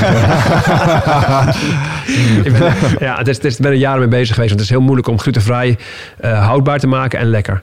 En ik heb dit op basis van haver, psylliumvezel eh, gedaan. En het is een Oh. decem variant. Het wordt een haver decembrood. Mm. Het verstoort het bloedsuiker niet snel. En eigenlijk alle na- nadelen die, die andere broden hebben, heb ik hieruit eh gehaald. Eh, Ik ga hem niet zelf produceren. Het komt onder een ander Je gaat niet in je keuken al die broodjes staan bakken Nee, voor de... nee, het komt onder een ander label. Een merk wat al aan, aan supermarkten levert. Oké, En er komt een logo op te staan. Inspired by Ralf Moorman. Leuk. Ja, dus dan ga ik dat... Dat moet toch grappig zijn als je dan straks door de supermarkt loopt. Ja, en je dus ziet- het wordt, ontzettend leuk. En, Ja. en ik merk vooral van, goh, wat mist er nog meer? Ik ben ook aan de gang nu. Wat ik heel graag zou willen is goede yoghurtvervanging. Dat heb ik in mijn studie al een beetje gedaan. Ja. Bijvoorbeeld op, eh, ja, op een hypoallergene basis. En niet, niet op soja-basis. Hè, Ja. Wat voor veel mensen nog een allergeen is. Wat is een hypoallergene basis? Ehm, dat, dat kan bijvoorbeeld rijsteiwit zijn. Mm. Waar we dan begin over Ja, waar ik ook Ja. vaker mee, eh, mee gewerkt heb. Of, of een andere bron die dat, eh, die dat niet is. Mm. En, en die producten missen gewoon. En, eh, goh, ik kan ook wel zeggen van... Goh, ik ga een speciale Ralf Moorman chocola op de markt brengen. Maar ja, goed, er zijn er al ontzettend veel die met bepaalde dingen aan de gang gaan. Waarom Maar- specifiek chocola? Ja, ik, ik, ik nee. weet stiekem dat je een fan bent van cacao. Nee, maar cacao, dat, is, dat, dat, dat, dat was, was een bepaalde tijd inderdaad populair. Ehm, maar je- er zijn bijvoorbeeld heel veel leuke cacao-soorten en producten. En precies van, ja, het is er al. Alleen wat mist er? Dat brood mist en, en, en de vervanging voor, eh, voor yoghurt en, en kaas. Ja. Waarom specifiek yoghurt? Omdat het een, uh, een veelgebruikt eiwit... Veel, uh... veel gebruikt product. En, en, mensen bijvoorbeeld die, die mijn programma volgen... velen, uh, nou, wat ik eigenlijk aanraad is ook zuivelarm. Mm -hmm. en, en er zijn niet echt lekkere vervanging voor, is er voor yoghurt. Mm. En voor kaas ook niet. Kwark. Ja, maar het is nog steeds zuivel. Ja, het is nog wel steeds... Ja, oké. ja dus nee, ik bedoel echt, echt gewoon zuivelvrij. Kaas is toch super... Ben jij helemaal zuivelvrij of niet? Mm, gewoon, ja. Maar Ja. Ik, weet, weet, ik heb geen celiakie, dus ik kan ook best wel af en toe wat gluten binnenkrijgen. Maar ik moet zeggen, dan kies ik wel, omdat ik zo gevoelig daarvoor ben, voor eh, juist witmelen. Die zijn voor mij makkelijker te verdragen dan volkorenmeel. Ja. En zo zie je al die discussies. Je moet volkoren hebben. Nou ja, als jij sensitief bent, dan werkt het juist minder goed, het volkoren. Ja. Mm. Maar het, het zuivel, ik, ik hou wel echt gewoon van geitenkaas. Zo, vind ik Ja. super lekker, weet je wel. Ehm, eh, uiteindelijk is het natuurlijk ook gewoon doe wat werkt voor jou. Dat is natuurlijk ook wel het Dat, dat, dat is met alles. En dat, dat is ook de boodschap eh, sowieso in mijn concept. Maar ik geef wel aan van, god, probeer het eens een keer. Ja. Ja. Want veel mensen komen gewoon achter, bijvoorbeeld met mensen met astmatische klachten, die dan in één keer al hun zuivel eruit gooien. Die, en die, die merken verbetering. En ik gewoon mooi, ze hebben het geprobeerd en ze komen erachter. En hoe lang, we, want daar hadden we het begin een beetje over. Dit is nou typisch zo'n geval waarbij je door een kleine interventie redelijk snel resultaat mag verwachten. Ja. Stel ik ga zuivelvrij, ik ga glutenvrij. Binnen welke termijn mag ik dan iets? Nou, als het, als het een sensitiviteit is, is ben je het binnen, binnen twee weken merk je het al ja, eh, oké. Maar, maar geef het wel een weekje of twee, drie voordat je... Ja, Ja. ja, Ja, eh, wat wel zo is, is dat bijvoorbeeld eh, als je glutenvrij gaat, celiakie, eh, dat kun je dan niet meer aantonen. Dus het mooiste, de ideale volgorde is eerst testen op of je geen celiakie hebt, dat Mhm. uitsluiten, dan glutenvrij gaan. ja, ja, ja. Mm. Een soort nulmeting. Ja, want, want, want daarna, als je dan weer denkt van... goh, ik ben zo gevoelig, ik heb nou weer een, paar, een klein beetje gluten binnengekregen... ik voel me zo beroerd, misschien heb ik wel celiakie. Nee, dan moet je eerst weer zes weken gluten eten met alle ellende van dien. Mm. En daarna kun je het pas meten. Ja, exact. De laatste kaarten zijn beschikbaar voor het Ride of Passage Retreat op 24, 25 en 26 mei. Ben jij erbij? Het is een volgende stap in je persoonlijke groei. Eh, een weekend waarbij de belofte is dat het een tikkeltje oncomfortabel gaat worden. Maar daar ligt natuurlijk wel gewoon de groei om meer helderheid te krijgen in je leven. Om uit je hoofd te komen, in het lichaam. ehm, achter te laten wat je niet meer dient. En om echt de volgende stap te maken door de oude patronen te doorbreken, te doorzien, te doorvoelen en, en te helen. En daarvoor wil ik je heel graag uitnodigen. Eh, en ik hoop dat jij een van die laatste bent die nog aansluit bij het Ride of Passage Retreat. Ga naar wichertmeerman.nl, klik op Retreat en ik zie je daar. En Wat vind je van, eh, nou, want we raken hier nu een klein beetje de, eh, hè, ook de, de, de carb producten. Nou, low carb is natuurlijk een ding, slow carb is een ding. Veel mensen hebben paleo, dus haal je witte eiwitten of je witte koolhydraten eruit. Nou, waarom? Nou ja, sowieso het is een stuk beter voor je. minder bloedsuikerdipjes, maar ook verhoogde vetverbranding is dan vaak een ander voordeel dat wordt genoemd. Hoe Ja. kijk jij daar tegenaan? Nou, ik denk vooral de, de voedselinname gaat omlaag door dit te doen. Gewoon calorieën. Calorieën, de puur en onbewerkt eten, je honger en verzadiging wordt daardoor beïnvloed. En belangrijk om het hormoon- hormoonconcept te bekijken. Hè. Wel, Het is niet zo van dat je zegt, de calorieën boeien niet, het gaat om hormonen. Nee, hormoon, een hormoonconcept kijkt op een bepaalde manier tegen calorieën aan. Eh, hormonen hebben dus, wat ik al zei, invloed op honger en verzadiging. Daar zijn ze heel belangrijk voor. Ik denk, ja, zeker de vrouwen zullen het herkennen. eh, inderdaad, de dag voor de menstruatie. Wat hormonen kunnen doen met je eetgedrag. Dat is Mhm. natuurlijk eh, ontzettend. PMS is een ding. Ja, dat is zeker een ding. PMS, help me even. Postmenstrual Oh, oké, sorry. stress oké, syndrome, ja, volgens ja. mij zoiets. Ik ben, Ja, ik heb geen premenstrueel. vriendin, ik heb geen Pre- vriendin, Ja, dus dan ben je er helemaal uit. Niet leuk. Ja, nee, honger en verzadiging heb je dan. Mooi. Dan heb je nog eens een keer... eh, bijvoorbeeld denk aan de testosteron en de groeihormonen. Die dwingen de, de calorieën wat meer naar de spiermassa te gaan... in plaats van naar de vetmassa. Nou, dat is ook leuk als je die niet, uit, niet eh, op zijn gat hebt liggen. Dat is ook handig. Eh, daarnaast hebben we schildklierhormoon... die de basaalstofwisseling in rust aanstuurt. Heeft ook een kleine invloed. En ik zeg van, goh, waar zijn die hormonen het belangrijkst voor? Ik denk vooral honger en verzadiging beïnvloeden als e- op nummer één. En een ten, ten tweede om die calorieën wat meer de spiermassa in te krijgen. Ruststofwisseling, er wordt vaak gezegd, een trage schildklier word je dik van. Het is zelden de ruststofwisseling wat het probleem is. Het is meer van dat mensen de- depressief worden door een trage schildklier. Want allerlei stofjes veranderen in je hoofd. Ja. Eh, en die gaan daardoor meer, eet- meer eten. Ja. En, daarnaast, misschien. en daarnaast ook vocht vasthouden. Ik vind het zo'n veel gehoord ding. Van, ja, ik heb een trage slaatklier. En dan weet je wel, super dik, niet sporten. En dat is echt zo'n, het is echt zo'n Ja. huisartsenadvies, vind ik dat. Ja, is, is het ook. Maar goed, het kan, het kan natuurlijk zijn als je mensen zich slecht voelen. Dat, ja, het wordt een stuk moeilijker voor de- deze Oh ja. mensen. Het meten? Kun je het meten of je een trage schildklier hebt? Ja, dan kun je heel goed meten. In het, uh, Uh, ben, er, ben er redelijk snel klaar mee. Sympto- ja, symptomen zie je inderdaad. En eh, da- daarnaast kun je meten eh, een aantal bloedwaardes. Een bekende is, wat de arts eigenlijk meet, is de TSH. Dat is eigenlijk een, eh, het ho- hypofysehormoon wat de schildklier aanstuurt. En als de schildklier uit balans eh, raakt, wordt TSH te hoog. Ja.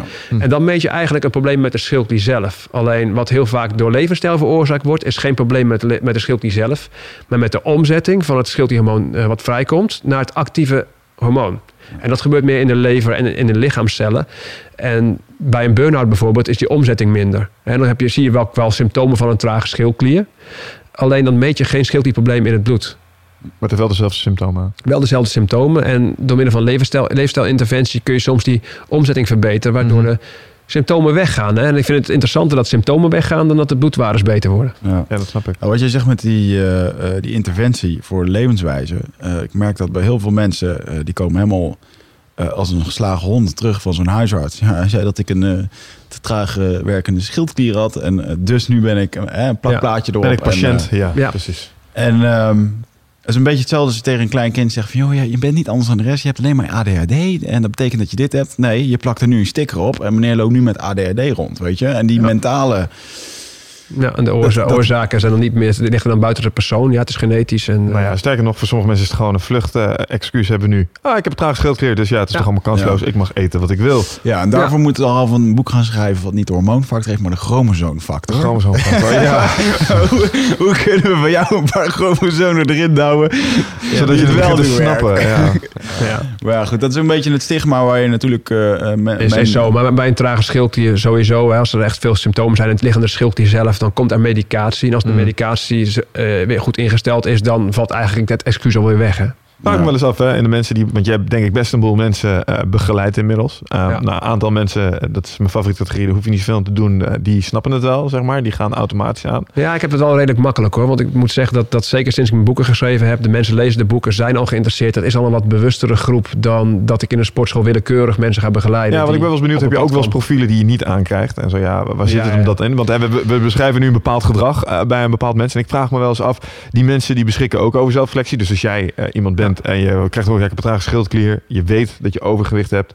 En je gaat dat gebruiken als een excuus om jezelf nog verder, zeg maar, over de kling heen te jagen. Ja, dat wordt lastig. Kijk, ik kan ook niet, niet iemand zonder intentie om te veranderen begeleiden. Dat dat kan de, de beste coach kan het niet. Zelfs een, ment- een goede mental coach kan niet een intentie creëren uit het niets. Nee. Eh, en Kom je het eens tegen? Ja, natuurlijk. Dat kom ik regelmatig tegen. En ik, ik kan lang niet iedereen er een helpen. Die, die, ja, het gaat toch om... eh, door, als ze doen wat ik zeg, ja, dat, dan, dan werkt Ja, het natuurlijk. Dat, werkt voor iedereen. En, en, en met name op het gebied van, van coaching heb je natuurlijk heel veel ervaring. Maar Maar heb je wel eens afgevraagd wat dat is? Want ik zit naar zulke mensen te kijken, vo- vol verwondering. En denk ik, dude, of dame, ga eens wat doen. Waarom, waarom is het zo lastig om... Want cognitief snap je allemaal prima wat ik vertel. Rationeel begrijp je het wel. Maar waar is het dan... Ja. Waarom krijgen we de vonken niet in? Nou, het begint bij intentie. Eh, kijk, mensen willen veranderen of, of omdat de pijn groot genoeg is. Hè. Als ze klachten hebben en kwalen, dan, dan gaat het meestal... eh is is Mhm. motivatie wat hoger.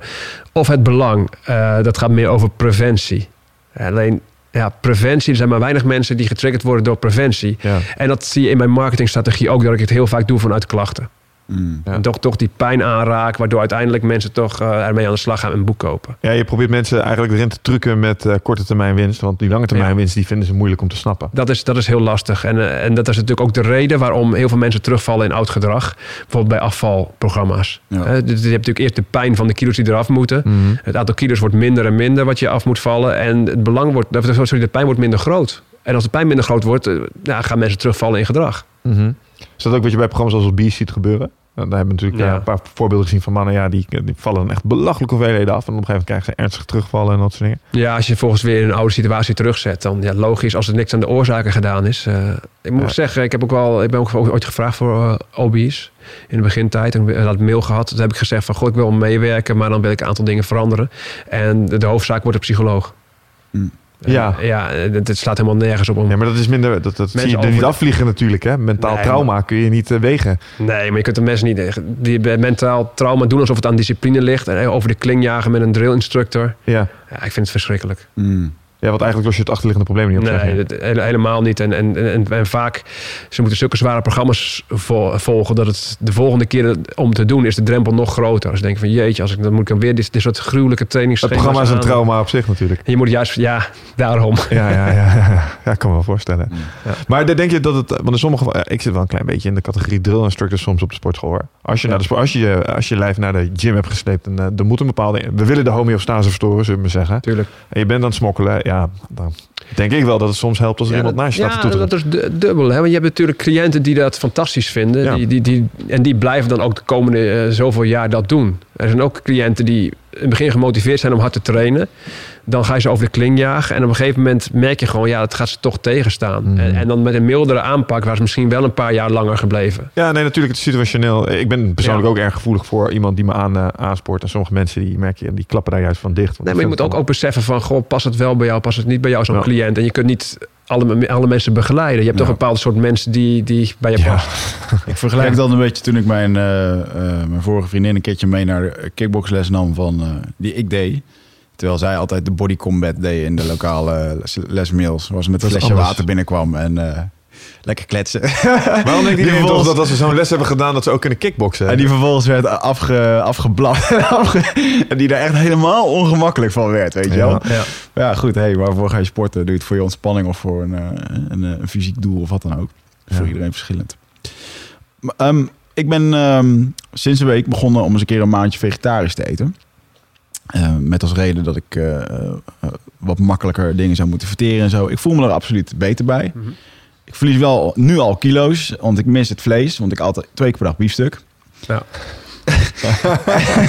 Dus ik ben een absolute vleeseter. Ik haat vegetarisch eten. Ja. Want ik, eh, hè, nou ja, in de zin, ik, nou, ik, ik, ik zie er wel eh, de, de, de Wees eerlijk, krijg je het eten weg? Eet je, is Ja, er niet ja, gewoon iets te weinig nou, omdat het niet lekker nou, is? Dat, dat vind ik onzin, want ik ben wel, eh, joh, ik ga gewoon naar zo'n, ik heb zo'n Turkse groenteboer en dingen en dat, die hebben van alles wat ik nog niet eens ken, dus ik vind het heerlijk om alles in de pan te gooien. Hey, het is hartstikke lekker eten, Ja, weet je het wel. eet Maar goed ja, weg. je moet er zeker even moeite voor doen, maar goed, dat, ik ben nu Ja. in zo'n kritieke fase dat ik dat wel wil doen. Ja, ja. En, De eh, pijn is hoog eh, genoeg Nee, geweest. dat is onzin. Maar ik, ik had gewoon zoiets van, ik moet dus even wat aan mijn, eh, eh, ge- ja, mijn voeding. Ik merkte gewoon dat ik vooral van rood vlees en zo, dat dat eh, wat moet. Ja, want wat is de overweging om het te doen? Ehm, nou ja, dat ik gewoon, eh, dat ik lastig heb van mijn maag. Ja, nee, oké. Van door het vlees. Ja, ja. En dat ik nu gewoon Nou, sowieso, hè, met, met, met stress is de vertering wordt al wat zwakker. Maar met name wat ook gebeurt als je maagzuurhoeveelheid wat minder wordt. Mhm. En eh, dat heb je echt nodig om, om rood vlees te kunnen verteren. Ja, ja. Nou goed, en dat had ik dan twee keer per dag, want dat is goed, hè, want dat doe je met sporten. En, eh, maar toen dacht ik eigenlijk van ja, maar ja, je sport eigenlijk helemaal niet meer zoveel, dus waarom moet je zoveel vlees eten? Dus, eh, en dat, eh, ja, ik merk dat ik er wel goed op ga. Maar wat vind jij over het algemeen van, eh, van vegetarisch leefstijl? Is dat iets Ja, wat je over het algemeen, het, het kan heel goed en het kan ook ja, heel Zijn slecht wij- zijn. Het is net, net hoe je patroon eruit ziet. Ehm, sowieso, je hebt het over ik voel me beter. Dat, dat blijft soms een moeilijk criterium. Hè? Mhm. Want soms voel je je ook beter in een sapkuur na een paar dagen. Als je helemaal in een katabole toestand komt. Hè? Je lichaam gaat energie vrijmaken in de hoop nog eh, Ja, energie te kunnen hebben om te jagen bijvoorbeeld. Of, Ja. of om eh, te verza- Als een verzamelen. soort laatste redmiddel van gast, Ja. eet Ja. alsjeblieft iets. Ja, precies. Maar dan krijg je soms nog even bepaalde stoffen in je hoofd vrij... waardoor je heel erg lekker voelt. En, en, en in een afbraakstatus kun je heel lekker voelen. En ik, en ik ken dat met name uit de stroming, de raw food stroming. Misschien ken je die ook wel. Dus Mm. alleen maar rauwe voeding eten. En die. Leefden veganistisch en op shakes en noem maar op. En ze voelen zich fantastisch. eh, omdat ze juist in een soort afbraakstatus komen. Ja. Alleen ben je dan weer een maand of tien verder... Ja, dan kunnen soms tekorten zichtbaar worden. En in één keer is het niet meer zo, eh, Ja. gaat niet meer zo goed met ze. Ja, ja, ja, precies. Maar ik ben niet, eh, ik ben wel, eh, ik eet nog gewoon ei en zo. En ik ga niet Ja. al dat mierenneukerige doen van eh, dat ik geen Nee, maar eet dit- en dat dan erbij, eh, weet ik veel, weet je wel. Ja, maar dit is vege- vegetarisme. En vegetarisme is een stuk makkelijker dan, dan Ja. veganisme. En ik denk zelf dat, eh, dat het heel, heel goed kan. En het gaat met name om eh, wat eet je als vegetariër? Eet je puur en onbewerkt? En dat, dat zie je bij best wel veel vegetariërs. Mhm. En daarom is het denk ik voor veel mensen een vegetarisch patroon erg goed. Omdat ze gewoon puur en onbewerkt eh, eten. En heel veel groenten. en Maar de afwezigheid van, van vlees en vis. Ja, je mist natuurlijk een, een aantal stoffen. En die moet je op andere manier eh, aanvullen. Kijk, Mm. omega-3 uit vis eh haal je natuurlijk ook wel uit bepaalde zaden. Bepaalde, ja, met name lijnzaad, chiazaad zit het ook wel in. Dus je krijgt het op zich wel, eh, wel binnen. Eh, alleen met name de oudere mensen, die kunnen wat moeilijker de plantaardige omega-3 varianten in de Ja. dierlijke omzetten. En die, Mm. die, die werken beter in het, in het lichaam. Er zijn vegetariërs die kiezen voor een tussenvorm. Die, die suppleren omega-3. eh, maar dan uit kril. Dat zijn zeg Ja. maar heel echt de allereerste ja, vormen van, van dierlijk leven in de, in de zee. Ja. En dat is niet compleet als ze vis, eh, visolie krijgen, maar krilolie. Hm. Nou ja, dat vind ik wel een goede keuze voor omega-3. Ja. Daarnaast als je geen vlees eet, eh, ja, creatine. Maar ja, goed, dat is niet, niet een heel belangrijk stofje wat je dan eh, misschien bij als je heftige sporter bent. Ehm, dan hebben we ijzer. En ijzer kun je ook uit plantaardige voeding halen. Vind ik niet, niet zo'n heel groot, eh, groot probleem. Eh, eiwitten. En eiwitten die... is voor vegetariër geen probleem, want je hebt natuurlijk ook andere dierlijke varianten met een hoge biologische waarde. Dus eh, dat gaat op zich ook. eh, Ja, ei en noten en noem het maar op. Het is alleen voor mij... ehm, en dat vis, dat wil ik eigenlijk ook nog wel gewoon eten. Dus eigenlijk de, veget- de vegetariër die mij niet Ja. hoort, nu op zijn tanden te bijten. Maar eigenlijk ben ik gewoon een vegetariër wanneer het mij uitkomt. ja. Maar, eigenlijk, maar ik merkte wel dat het gewoon... eh, ook de verschillende... veel vezels van verschillende soorten groenten en zo. Dat het, ik, kreeg het, ik voelde me beter worden omdat ik in één keer minder last kreeg van, van mijn lichamelijke klachten. Ja, want als jij inderdaad laag maagzuur hebt, dan zal het vlees, eh, zal, ja, dat kost je zeker energie om dat te verteren. Dat voel je niet lekker door. Ik was onlangs met, ik, eh, in gesprek met, eh, met Elliot Huls. En dat is een Amerikaanse uh, fitnessguru. En eh, ik was naar een seminar van hem geweest in, eh, in Londen. En daar had hij het over eh, dat je lichaam... eh, eh, dat is een bepaalde filosofie die hij heeft. Dat je lichaam werkt in bepaalde seizoenen. En ehm, dat, eh, hij heeft dan ook een periode gehad van topsporten, veel eten en doen. En op een gegeven moment kom je gewoon... eh, iedereen komt wel eens een keertje in zo'n soort crash. Of dat nou met je baan is, of dat nou met je relatie is, of met je, met je werk. Ja. En ehm, hij vond het dan ook wel eens goed dat je gewoon, eh, bijvoorbeeld nu zo'n periode, hè, dat ik nu eventjes heel veel groente eet en richting het vegetariër ga, dat dat ook goed is voor je lichaam om weer eens een keertje een soort ja, opkikker te krijgen of een soort van eh, eh, verandering. Want Ja. ehm, ik denk waar heel veel eh, personal trainers fout in maken in het advies, is om iets een leven lang voor te schrijven. Want dit is de levensstijl die moet. En Mhm. Ehm, hoe makkelijk past je lichaam zich aan aan eh, bijvoorbeeld ik heb nu ik heb ja, ik kom van twee keer per dag biefstuk en ik ga nu in één Ja. keer eh, vegetarisch eten. Hoe Ja. groot is de shock voor mijn lichaam? Hoeveel weken heeft het nodig om dingen aan te passen? Nou, ik denk als je het heel extreem doet en je zou niet af en toe wat vis eten, dan is het best wel een shock. Mhm. En het gaat uiteindelijk gaat niet zozeer voor je eigen lichaam, want je vertering kan best wel veel aan. Eh, maar ik denk meer aan onze bevriende darmflora, die altijd gewend is heel veel eiwit binnen te krijgen, een bepaalde soorten eiwit. En nu in één keer heel andere voeding tot zich krijgen en die gaat zich aanpassen. ja, Nou ja, en dat, dat is ook een soort van homeostaseverstoring, dus het is ook een lichte stressvorm ja. op dat moment. Oké, dus gewoon zo meteen hamburger eten. Gewoon, ja. 100%. Ik wil niet Ja, gewoon. ik, ik ook dan bij deze. Ja, nou sowieso het gevarieerd blijven eten is een hele belangrijke. Ga je echt complete voedingsgroepen uitsluiten. eh, dat is eigenlijk, je, je sluit niet alle dierlijke producten uit, dus het valt op zich nog wel mee. Mhm. Maar bij veganisme, dan moet je met, door middel van de variatie in wat je nog wel over hebt, moet je wel slim te werk gaan. Dat Ja. is een stuk lastiger. Hmm. Kun je groter sterk worden op basis van een veganistisch dieet? Of moet je dan wel echt heel veel goed eten? Is het aan te raden Ja. als je krachttraining doet en dat soort dingen? Vegetariërs heb ik vaak groot gezien. Dat ging allemaal- prima. Maar veganisten, nou, degene die ik ken, eh, die zag ik allemaal afbreken. Ik ken een aantal Ja. gespierde jongens die ook, ook op een gegeven moment op de raw food gingen. Ja. Ja, die zag je echt wel in teer hoor. Ja. En, eh, op, een, op zijn spiermassa. En dus ook god, er zal altijd eentje rondlopen die veganistisch is. En, eh, Die het wel da- kan, ja, maar dat is daar uitzondering. En een spokesperson voor is. Nou ja, en dan is altijd de vraag van, eh, is het alleen maar dit voedingspatroon of wordt er iets anders bij gespoten of genomen? Ja. Aha. Maar dat ik wil ik eerst zeker weten. Ja, dat snap ik. Mike Tyson is tegenwoordig ook vegetariër. Dus, dus hij- misschien doet hij dat nu om alle andere kuurtjes eh, weg, te, Ja. weg Ja. te eten die hij vroeger heeft gehad. Ja. Maar ik denk dat er best wel wat topsporters zijn hoor, die, eh, die vegetariërs eh, zijn. Nou, goed, maar ik wil het ook helemaal niet, eh, ik ben helemaal niet van om het verlang te doen. Ik vind vlees veel te veel lekker. En ik denk Mm. ook dat wij als mens gemaakt zijn om vlees te eten. Ehm, alleen de mate en hoeveel dat je dat doet, dat... eh, Nou, ik denk als je hier de natuur in gaat en je wilt zonder vlees overleven, wordt het lastig. ja. Ja. Hoe vaak verwijs jij nog terug in jouw eh, programma's naar eh, hoe wij er eh, 10.000 jaar geleden bij liepen en, eh, en nu? Oh, re- regelmatig. Eh, maar ik ga niet precies zeggen dat ik de waarheid in pacht heb of wat, over wat Nee. we gegeten hebben. Wat ik wel weet is dat dat in de supermarkt ligt, dat dat niet is wat we toen aten. Lijkt niet erop, nee. Ehm, en verder, eh, misschien hebben we wel heel eenzijdig gegeten. Mhm. Alleen zolang we niet weten wat het is, Mhm. blijf dan maar lekker gevarieerd eten. Zijn wij echt zo eh eh E-nummers, vind ik wel een, eh, een dingetje. ja. Een hele boek over geschreven, van ADD tot kanker tot noem het maar op. Ja. Ehm, what's your take on ja. E-nummers? E-nummers. De E staat bij mij voor experimentnummers. Eh, ik, vind het, ik, kan, ik ga niet zeggen van je krijgt er die en die ziektes van. En ik zie natuurlijk in de praktijk bij bepaalde E-nummers ook wel wat klachtjes ontstaan. Maar goed, je hebt, je, hebt, je hebt natuurlijk de twee polarisaties. Die dingen komen natuurlijk naar buiten in de media. Aan de ene kant dat je er allerlei vreselijke ziektes van krijgt. En, en dan, de- dan de andere kant die het bagatelliseert. Ja. Eh, waarom ik het experimenten vind, is niet alleen bij de chemische varianten. Hè, natuurlijk chemische stoffen die het lichaam eigenlijk eh, ja, niet optimaal kent. En theoretisch niet toxisch zijn. Ja. Hè? En dat is natuurlijk bij proefdieren gemeten. Maar je weet natuurlijk nooit wat ze op de lange termijn doen. Hè, zo kan één druppel eh, per dag kan geen, geen effect, effect geven. Maar je hele leven lang kan het toch een, met, door één waterdruppel een enorme kloof in een, eh, in een rots uit eh, Ja. gehouden worden. Hè? Dus dat is het chronische effect weten we niet. We weten ook niet wat de, de wisselwerking van deze stoffen is met andere stoffen in de voeding of met andere E-nummers. Is, is niet onderzocht. Waar we ook achter komen is dat bepaalde E-nummers misschien niet toxisch zijn voor ons, maar wel voor onze darmflora. En dan Ah. merk je het effect via een omweg en later. En dat zijn met, met name met de zoetstoffen. Zijn er een paar onderzoeken geweest die toch wel... eh, dan denk je zo, hé, hey, daar zien we toch iets over het hoofd. Heb je Ja. aspartame en dat soort... eh maar ook Ja. stevia? Of is dat niet... eh, Ja, nou, st- stevia, kijk, we hadden, ik had het net over de chemische E-nummers. Mhm. Eh, natuurlijke E-nummers worden ook wel eens genoemd, hè. Maar ik noem dat niet natuurlijk. Ik vind natuurlijk de hele stevia-plant. ja. Eh, niet als je een stof uit de stevia-plant trekt en dat gaat concentreren. Mm. Dat is, dat is weer een experiment met onze gezondheid. En ik, ja, ik liefst heb ik die eruit. Ja. En, en waar hebben we nou ervaring mee? Dat zijn complete natuurlijke matrixen, noem ik dat. Een, een appel eet je omdat er heel veel stoffen bij elkaar zitten. En, en groente en fruit heeft een gezondheidseffect eh, door al die stoffen bij elkaar. En we weten niet precies welke stof wat veroorzaakt. Dat is waarschijnlijk de combinatie. Ja, dat denk, denk ik zelf wel. En ja. ik merk ook dat de gedachtegang richting voeding heel erg veranderd is. Richting het rekenapparaat denken. Eigenlijk het nutritionisme wat er altijd geweest is. Mm. Gewoon uitrekenen hoeveel, hoeveel koolhydraten, hoeveel eiwitten, hoeveel vetten, hoeveel mi- mineralen, hoeveel vitamines. En daarmee reken je dan een voedingspatroon door. En dan bepaal je, oh, er zit genoeg van dit en dit in. Dan is het goed. Mhm. Alleen we denken steeds meer vanuit voedingsmiddelen.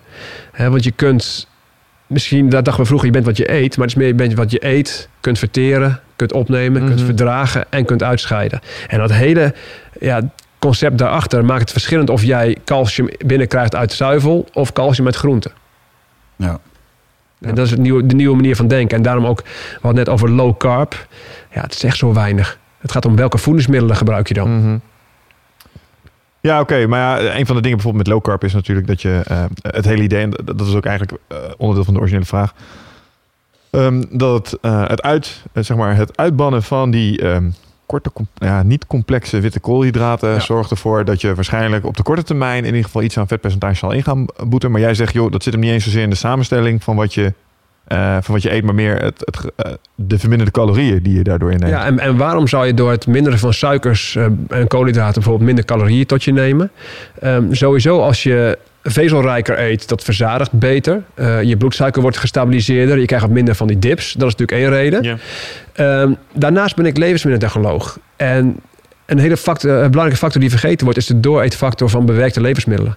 En ik heb ze natuurlijk zelf ontworpen en ik weet hoe je mensen aan het eten houdt. De dooreetfactor. Oh, gewoon een zak chips gaat altijd in één keer leeg. Ja, en waarom is Ja, dat? ja, ja. Omdat iets gevarieerd is. Je, je, je zult wel beseffen dat als je een lopend buffet hebt, dat je langer dooreet dan een beperkte keuze, omdat het saai wordt. Ja. Een stuk zalm is lekker, maar je eet geen kilo. Mhm. Waarom eet je met levensmiddelen nou zo door? Omdat je ervoor zorgt dat er heel ge- veel variatie is in eh, hoe het eruit ziet. Ja, je eet ge- van gekleurde M&M's langer door dan alleen maar bruine M&M's. Waar? Ja, dat is ook onderzoek geweest. Ehm, dan stop je het in je mond. Hè. Dan heb je natuurlijk een mondgevoel. Dan komt er een aroma via je neus, dus de geur. Ehm, en dan hebben we de, de smaken. Zoet, zout, zuur, bitter. Nieuwe smaak, eh, natuurlijk verzonnen de smaakversterker umami. En deze factor, factoren los, die doen niet zoveel met de dooreetfactor, maar de combinatie wel. Hè, kijk naar een eh, ongebrande noot. Meestal hou je wel snel op. Hè, je beperkt dus, eh, variatie in al die, die, Ja. die factoren. Ehm, ga je die ongebrande noten, ga je daar rozijnen bij doen. Rozijnen zijn zoet en hebben een ander mondgevoel. Ja. Dan kan je, in één keer kun je wel een studentenhaver, eet je zo een zak leeg. Eh, je kunt ook een noot pakken en die kun je gaan branden. en als je een noot brandt, komt er een aroma vrij als je hem eet. Ja. Ehm, als je hem gaat branden en zouten, eet je ook nog weer langer door. Je kunt ook zeggen, het is niet genoeg. We gaan er een laagje omheen doen die knapperig is. Eh, met de smaakversterker umami. Dan heb je bijvoorbeeld een borrelnoot. Mhm. Of je neemt een smeltend la- laagje met, eh, die zoet is. Een suikerlaag. Of, of een, een, een, een chocoladelaagje. Mhm. Ja. Ja, en dan eet je gewoon zakken leeg. Dat is wel herkenbaar. Ja, en, en kijk ook maar naar waarom is brood natuurlijk een, de, wordt als dikmaker gezien. Er worden heel veel redenen aangevoerd, maar ik denk zelf dat het heel ideaal is om met brood met verschillende belegsoorten, Ja, van naar zoet en weer terug, Ja, ja, een oh, enorme dooreetfactor te creëren. Ja. dat is vaak le- kaas, eh, vleeswaren en dan altijd achteraf moet Ja, zoet op, even. Ja. op dat zachte broodje, waar ook nog eens een keer wat zaad omheen zit, die in één keer weer van zacht naar knapperig gaan. Waarom vind ik wit brood eigenlijk lekker als bruin brood? Ik denk gewoon dat jij van sponsor houdt dan. Ik weet niet, een bepaalde voor gevoel, Hmm. mondgevoel wat je dan, dan, dan krijgt.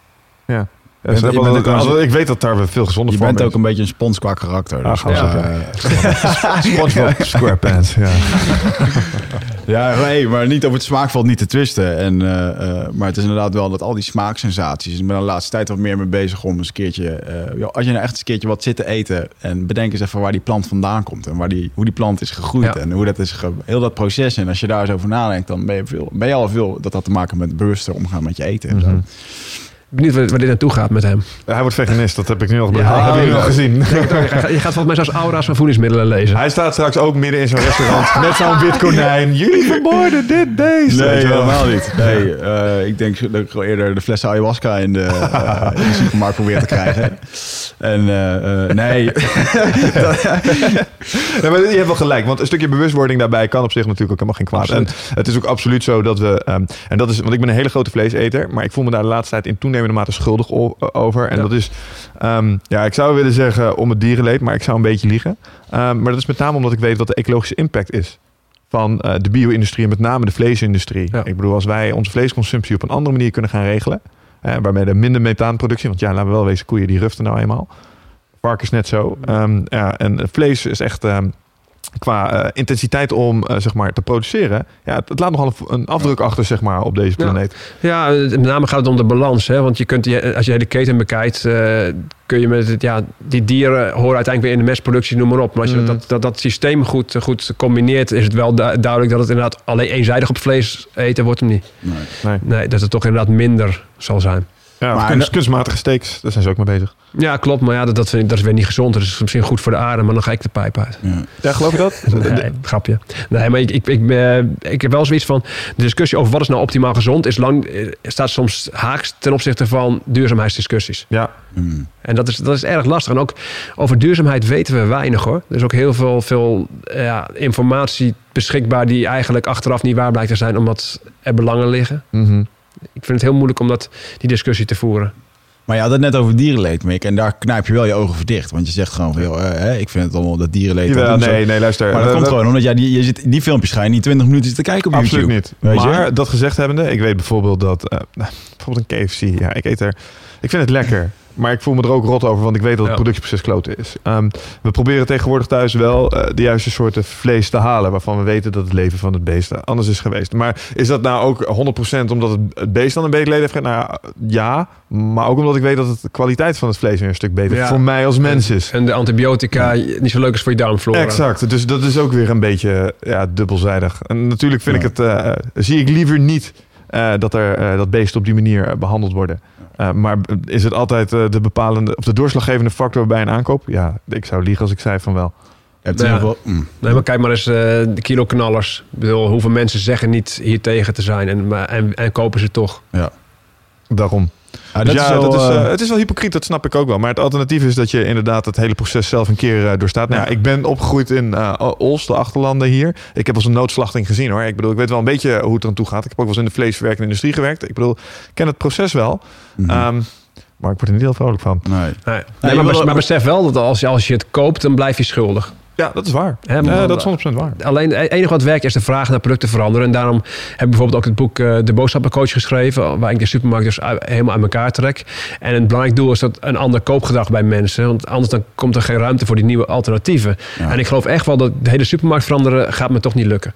Alleen nu, zoals met zo'n glutenvrij brood dat ik op de markt krijg, vind ik verdorie dat ik toch voor, elkaar gekregen dat er een alternatief ligt. En dat er dus wat meer keuzevrijheid komt voor mensen. Wat zijn, wat zijn goede alternatieven trouwens? En nog, even, nog heel even terugkomen op dat vlees. Stel, je zou daar wel een iets bewustere stap in willen maken. Wat zou je me dan adviseren? Nou, ik zou niet, niet zoveel richting vleesvervangers gaan. En me kon maar gewoon wel dezelfde voedingswaarden halen uit het combineren van eh ja, de noten, dat soort dingen. Maar wel minder vlees eten. Hè? Ja, Ja, je geeft me niet het antwoord waar ik op hoopte, maar ik eh, snap wat je zegt. ja. Ja. Ja, maar net als die vleesvervangers, want eh, daar heb ik natuurlijk ook naar gekeken afgelopen week. Die zijn fucking lekker. En dat klopt Ja? niet. Weet je wel, er zitten, veel, ja, joh, er zitten suikers in, er zitten dingen in. Het is echt niet goed ik heb ze vroeger gemaakt. ja, als het naar snoep smaakt, is het ik waarschijnlijk heb ze gemaakt in mijn studie. En eh, zonder smaakversterkers kun je het gewoon vergeten. Ja, het is, eh, ja, dat vond ik ook. Ik vond het ook gewoon Ja. te... Ik denk, nou, dat is wel te doen. En toen heb ik het één keer gegoogeld en dacht ik van dit koop ik echt niet meer. Wat Mm. een rotzooi. Maar ja, Ja, anderzijds. wat is nou de eiwitbasis? Het is heel vaak op sojabasis. Ja, Dan heb je op uh, kikkererwtenbasis. Daar kunnen nog wel leuke producten uitkomen. Die wel, ja. Ehm, dan heb je nog schimmeleiwit, corn is dat. Ja, of om nou een grote hoeveelheid schimmel-eiwit te gaan eten. Ik weet niet Klinkt of niet dat heel een smakelijk hele in ieder geval. natuurlijke situatie is.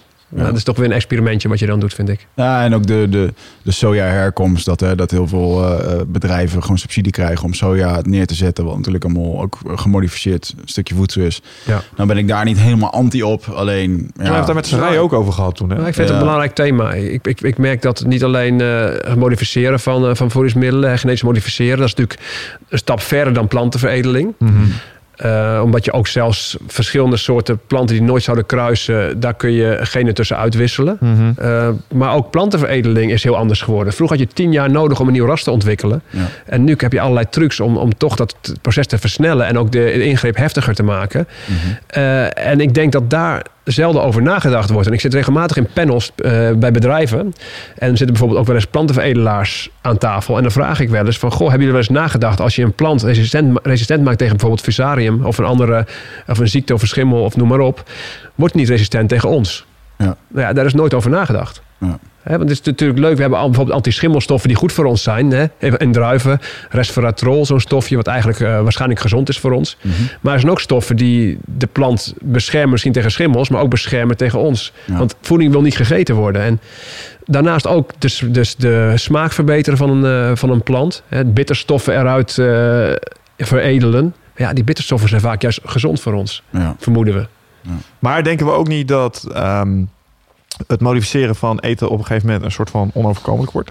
Want het, het lost wel een, Ja. eh, een komend probleem zoals Het, eh, overpopulatie hè, en het is voedingstekort. Hè? Ja, ik snap ik. Het is een symptoombestrijder om te kunnen te gebruiken. En ik heb vaker discussies over duurzaamheid. En ik merk dat het dat ik minder weerstand krijg als ik zeg van... goh, we moeten toch ook eens kijken naar hoe kunnen we het eh, aantal mensen op de wereld... kunnen we daar niet een slim beleid op voeren... waardoor het heel humaan... eh, Ik geloof dat China wel eens een paar van die dingen geprobeerd heeft. niet zo Pakt snel mee doen, niet heel goed uit volgens Nee, mij. klopt. Maar ik denk, wat, het is wel een onderwerp wat we niet eh, link- links moeten laten liggen. Nee, nou, dat is 100% waar. Ik bedoel, het feit dat, dat de populatie hier... Ik geloof dat we de 7 biljoen zo langzamerhand Ja. beginnen aan te tikken. Dit nog een x-aantal jaren voortzetten met elkaar... begint een steeds grotere uitdaging te worden. Mm. Technologie en wetenschap zal daar onge- Ongetwijfeld een hele belangrijke rol in gaan spelen. En ik denk dat je al redelijk snel in deze uithoek terechtkomt. Om bijvoorbeeld plekken waar nu niks kan groeien... Mhm. Stel, je kan een gewas maken dat eh, mais dat wel in de Sahara kan groeien. Ja. Klinkt als een potentiële oplossing voor het probleem. Alleen dan zijn er stemmen inderdaad die omgaan. Die zeggen van ja, maar als wij dat toevoegen aan ons biosysteem, dan is er niet te voorspellen wat het op lange termijn bijvoorbeeld met ons als mensen doet. In, bijvoorbeeld in termen van voedingswaarde. Ja. Ja, dat is een tweesnijdend mes weer, denk ik. Nee, dat ga je krijgen. En op een gegeven moment, ga, als je echt van de stoffen gaat denken die je binnen moet krijgen, dan ga je dingen zoals Soylent, geloof ik, een bepaald drankje waar alle stoffen in zitten die je nodig zou hebben. Ja, dat is echt het nut- nutritionisme, het denken vanuit stoffen. Maar ik denk vanuit matrixen. En al die stoffen werken samen. En we weten, hebben geen idee wat dit Ja. uiteindelijk gaat doen. Maar ik, ik had een, eh, de, in een discussie over duurzaamheid, had ik een berekening gezien van een expert van duurzaamheid. Dat je op echt een duurzame manier, waarbij je iets minder vlees gaat eten en dat die keten een beetje klopt, dan Mm. kun je eh, 2 miljard mensen eh, bedienen. Ja, en dan denk ik van ja, moet er, dan, moet er straks een 9 miljoen- miljard toe gaan? Dan denk ik van goh, Oh, je kunt maximaal 2 miljard mensen... ja, met, met dat sy- eh, systeem hadden ze inderdaad berekend. ja. Dan denk ik van god, dat is toch wel een, zou een mooi aantal zijn waar we ooit een keer uitkomen in plaats van 9 miljard. Ja, maar dat gaat, ja, dat gaat alleen gebeuren als het echt glorieus misgaat. Ja, maar gaat het ook een keer? Ja, dat kan. Ja, Een keer gaat het ja, ja, ja, dan, dat ligt eraan wie, wie het Ja, maar vraagt. god, als we daar nou, nou, nou met z'n allen gewoon over kunnen praten en, en gewoon ervoor zorgen dat het op een humane manier ja, niet zo ver komt, dan gaat, hoeft de natuur niet in te grijpen. En de natuur is wat, wat minder lief dan wij zelf. Ja, ik vind dat alleen eh, het moeilijke daar. Ik ben het helemaal met je eens. Ik denk dat dat een van de belangrijkste factoren is om het hier als mensheid wel te gaan redden uiteindelijk. Dat je je bevolkingsgroei, dat je die in ieder geval afremt, zodat je hier Ja. de, de boel kan stabiliseren. Voordat je bijvoorbeeld eh, andere planeten gaat koloniseren en dat soort dingen. Want ik denk dat de mensen uiteindelijk wel iets van die stappen moeten gaan maken. Ja. Maar dat betekent dus dat eh Wicht en ik de cons- mogelijk geen kinderen zouden kunnen krijgen. En andere mensen mogelijk geen kinderen meer zouden kunnen krijgen. En Mhm. ik denk dat dat ongelooflijk lastig wordt om te verkopen. Want iedereen vindt dat zijn Ja. God-given right. Want voortplanting, zo. primaire instructie. Je hebt het verschil tussen, tussen één kind of, of tien. Ja, Ja. Dat is je, je brein in. eh, versus je hart. En ik Ja. denk dat dat een hele lastige gaat worden om dat op een politieke agenda te krijgen. is ook zo. Want het gaat natuurlijk de, ja, je hebt je overlevingsmechanismen ingebouwd in je systeem zitten. Ja. Ja. Nou ja, voorgaande podcastgasten die we hier hebben gehad, evolutionair psychologen onder andere, Ja. die zeggen gewoon het komt echt alleen maar neer op voortplanting. Het is allemaal eens proberen om je Ja. Te manifesteren in een maatschappij. Maar waar komt het uiteindelijk op neer? Nou ja, partnerselectie. Ja. Mm. Geloof ik ook. Een en al. Mm, je had het net over jouw, eh, jouw nieuwe brood. Dat vind ik wel mooi. Want ehm, we hebben natuurlijk in, eh, in Engeland hebben bijvoorbeeld eh, Jamie Oliver... die een ware strijd aan het voeren is met ehm, wat scholen daar in kantines voeren. Ja. Omdat het daar nog wel gebruikelijk is dat eh, kinderen overblijven de hele dag... en eh, daar dus ook eh, ja, mee kunnen eten. Toevallig een, eh, een maatje van me die eh, verkoopt snoepautomaten. Even als tijdelijke baan. En eh, die vertelde mij dat hij dat op scholen doet. En dat ze gewoon letterlijk zeggen van... joh, die gaan naar een school toe. Ehm, je krijgt van ons een automaat. Dan krijg je 1000 euro Ja. bij. Klopt. En wij zorgen dat die automaat helemaal gevuld blijft. En, dat. en jullie krijgen gewoon wat opbrengst van die, nou, noem maar wat. Of, ja, dat is in ieder geval het verhaal. Die school die is helemaal Ja. blij van, nou oké, prima, geen zorgen. En nu zit er ook een beleid in dat daar volgend jaar moet daar geloof ik 30% van moet daarvan gezond zijn of zo. Oké. En de hardlopers mogen blijven. Dus oftewel, er liggen straks nog steeds 20 Snickers, KitKats en andere dingen in. En, en eh, een paar light varianten waarschijnlijk. ja, zoiets inderdaad, ja. Wat is eh, jouw eh, take on, eh, ja, wat, wat zouden scholen beter kunnen doen? En hoe, zie- ja, heb je er überhaupt eens een keertje wat meegemaakt? Ja, ja, ik, ik, ik, eh, sowieso. Ik, eh, ik, heb, ik heb in mijn opleiding een aantal mensen gehad die zelf ook concepten hebben opgezet. En een, een belangrijk concept daarvan is door Lily Gené ge- eh, gestart. Dat is de vrouw van Wilfred Gené. Eh, Ik heb het gevoel dat Ja. dit iets meer moet zeggen, maar dat doet het even niet. Sorry. Dat, dat- dat is een concept dat heet vullen of voeden. Oké. En, en eh, bij Voetbal International is een programma en daar wordt het heel vaak geplukt Mhm. eh, nu. Eh, zij zei tegen mij van, goh, we mo- je moet iets met, ook iets met kinderen doen. Dat is een interessante doelgroep. Daar Mhm. begint het allemaal. Maar ja, ik heb zelf geen kinderen. En ik vind het een beetje raar om, terwijl ik zelf geen kinderen heb, om daar boeken over te schrijven en noem maar op. Maar goed, ik, eh, ik adviseer hun dus, en zij hebben wel kinderen, Mhm. om dit, eh, dit inderdaad wat groter te maken. En dan spreek je ook inderdaad met allerlei mensen die hiermee mee, mee dealen. En ook met eh, acties bijvoorbeeld om juist die automaten uit de scholen te weren. Ja. Trouwens, even een kleine korte vraag erbij. Ik heb geen kinderen, dus ik vind het raar om iets over te zeggen. Maar is dat dan omdat je vindt dat je, omdat je geen ouder bent, geen recht van spreken hebt? Want dat wat voor ons geldt, geldt toch ook voor kids? Ja, dus die, nee. die levenswijze, zeg maar, die voedingswaarheden, die zijn toch voor die kids even Nee, ik belangrijk? kan, ik- natuurlijk, ik kan er zeker wat over zeggen. Alleen het blijft zo, als ik dat als enige persoon zou doen, dan is het, ja, je, je hebt makkelijk praten. Want maar- jij hebt maar geen- ja. Je hebt geen kinderen. En mijn zoon lust het niet, dit en dat. Dan krijg je dat soort eh, Ja. Zaken. Dus die wilde ik eh, sowieso voor- niet. Voorkomen. is, ja, ja. maar je denkt dan volgens, hè, je gaat die, die, eh, die automaten weren uit de scholen. Dan verwacht je, goh, ouders die zullen dit wel toejuichen. Ja, nee, dan moeten ze één keer boterhammen gaan smeren voor een kind. Nee, ook, eh, ook dat. Maar het, het punt is, mensen hebben iets tegen betutteling. En dan krijg je reacties van ja, het is belachelijk dat die automaten hier weggehaald worden. Je moet toch zelf kunnen kiezen. En als je het nou eh, dat discipline hebt, dan pak je het niet. En als je Ja, zin in hebt, pak ja. je het wel. Maar dan, dan krijg je het... Maar want met alcohol en met sigaretten mogen we het wel. Ja, Dus dan zou het eigenlijk een zo'n product worden. Jongen, ik heb Ik op mijn middelbare, school hadden wij al eens een school waar je van het schoolplein af mocht. Dus kon je lekker in de pauze je dingen doen. Ja. Ik heb jarenlang geleefd op appelkoeken, worstenbroodjes, zakjes broodjes, ja, precies, ja. en eh dus kun je nagaan hoe ik eruit had kunnen zien. Ja. Het is allemaal verbazingwekkend, verbazingwekkend goed gekomen. Hè? Ja. Dus eh, die sterke genen die zit al goed. Maar ja, goed, we hebben wel een paar jaar verpest, denk ik. Eh, Ja. Maar het is inderdaad, en nu nog steeds, weet je wel. Ja, wat at ik op een dag? Ja, een appelkoek, in de ochtend een appelkoek, s ochtends ontbeet ik niet, want ik geen zin in. Dat is gewoon ook niet weten, weet je wel. Ja. begin van mijn carrière leefde ik op echt elke dag op koffie en sausijsbroodjes. Had ik zo'n goor pak van die ovens dan bij de super. En dat ging dan de magnetron in. Dus je kreeg ook nog van die vieze Ja. klamme dingen die je tegen het plafond kon gooien. En dan zouden ze blijven hangen, Ah. weet je wel. ja het voordeel, het voordeel is dat jullie eh, waarschijnlijk geen overgewicht hebben gecreëerd in die situaties. Nee, maar het was ook gewoon ook eh, belangrijk. complete afwezigheid van kennis. Ja. Ja. Maar mijn ouders hebben me nooit geleerd, weet je wel. Ik wist het niet. Pas toen het internet een beetje opkwam en ik begon fanatiek te sporten, dacht ik, hmm, volgens mij zit daar wel een verschil tussen wat je in je hoofd duwt en eh, hoe het dan uiteindelijk op de mat gaat. Maar Ja, je hebt, maar je hebt natuurlijk dan, in- op die leeftijd heb je toch ook geen, eh, geen klachten, geen pijnen waarschijnlijk. Nee. eh, Geen intentie om, om je gedrag te veranderen. En daar merk je ook, als je naar mijn boeken kijkt, ja, dat komt meest- meestal. eh, de gro- grootste doelgroep is vrouwen eh, begin, begin 30 tot, eh, tot 50. Ja. Dat is echt de grootste doelgroep. En meestal ontstaan klachten ook pas later. Hè? Ja, is dat zo? En is dat dan echt een culminatie van al dat gedrag daarvoor? Met andere woorden, gaan uh, Wicht en ik nog last krijgen van onze worstenbroodjesperiode, zeg maar? Ja, maar bij mannen is het, is het meestal rond de 50. Wat zijn de eerste tekenen van de aftakeling dan? Nou, je gaat gaat toch langzaam, het buikvet gaat toch wel een keer beginnen. Als je testosteron lager wordt, dan ga je calorieën relatief wat meer richting je buikvet. Aha. En wat minder richting je Kan ik spieren. dit voorkomen met allerlei testosteron supplementatie? Oh, dat, dat, kan, dat kan zeker natuurlijk. Half Amerika. Klinkt Ja, want eh, dat vind ik, dat vind ik wel- Je kunt het op een andere manier oplossen. ja, maar hoe zou jij het oplossen dan? Als je, want eh, ik, Nou, kijk, als je je levensstijl goed houdt en je hebt geen calorieoverschot, Nou ja, dan ga je ook geen, geen, geen vet aanzetten. Alleen als je het gaat, aanze- gaat aanzetten, dan Mhm. nou ja, kijk wel op je buik. ja, ja, ja. En sowieso krijg je iets minder wenselijk. spiermassa, dus je moet sowieso al wat iets lager in calorieën gaan zitten. Of harder trainen? Ja, kan, maar we willen een bepaalde leeftijd. Op een gegeven moment is het direct eruit hè, om spiermassa aan te Wat is aan jouw te eh, zetten. take, eh, even 50 daarop plus. inhakend, wat is jouw eh, eh, zicht op ehm testosteron supplementatie? En dan moeten mensen niet meteen denken aan eh, het vulgaire anabolen gebruik of wat dan ook. Maar in Amerika is het vrij normaal dat men Ja. op een gegeven moment eh, testosteron bijgespoten krijgt. TRT bij- toch? Ja, Ja, het, bij eh, gesmeerd ja, met name, smeersels. bijgesmeerd. Dus eh, eh, TRT is eh, testosteron replacement therapy. Ja, Dat is volgens mij doen ze dan iets met je eigen plasma, geloof ik, of zo. Het is in, in onze, something, something. In wereld is het in ieder geval wat, eh, wat besproken, omdat het in de, in de UFC, in de Ultimate Fighting Championship, Is het vaak gebruikt zo van, ja, ik heb een laag testosteron, en, eh, dus Ja. ik moet bijpakken. En vervolgens stonden daar gasten van 30 jaar als super, superhuman in die ring of in die kooi. Eh, dat is nu helemaal afgeschaft, nu mag dat niet meer. Nou, ik, ken, ik ken het trucje wel. En het is, het is, wat natuurlijk vaak gedaan werd, is, is jezelf eh, gigantisch uitwonen in training. Heel laag in calorieën gaan en mega zwaar trainen. Ja. En logisch dat je testosteron op een gegeven moment op schat ligt. Ja. Hè, En, en, en wat je dan doet, dan meet je, op dat moment meet je het. En dan op doktersvoorschrift krijg je het vervolgens. Mhm. Ja. Ja. Dus je is heel- het, is, het is helemaal niet zo moeilijk om je testosteron eh, te laag te krijgen. hoor. Helpt het dan ook voor mensen die bijvoorbeeld een burn-out hebben om eh, testosteron bij te pakken? Ehm, iemand die een burn-out heeft, die heeft een gebrek aan juist de, de katabolenfase, de cortisol. Mhm. En als je dan testosteron gaat geven, kan het zelfs averechts werken. Ja, Want wat Amerika doet, wat je zegt inderdaad, eh, ik heb ook wel zo'n eh, Ja. de houdbare man is volgens mij ook. ja, dat is eh, mijn uitgever, Pim Christian. Ja, dat is ook zo'n boek. En die, die, die, die is daar gewoon open over. Die zegt, joh, je moet eigenlijk zo'n zalfje op de kop tikken. Je krijgt het niet van de, van de huisarts. Bestel Ja. het op internet, zeg maar. Ja. Dat is eigenlijk heel kort door de bocht wat hij zegt.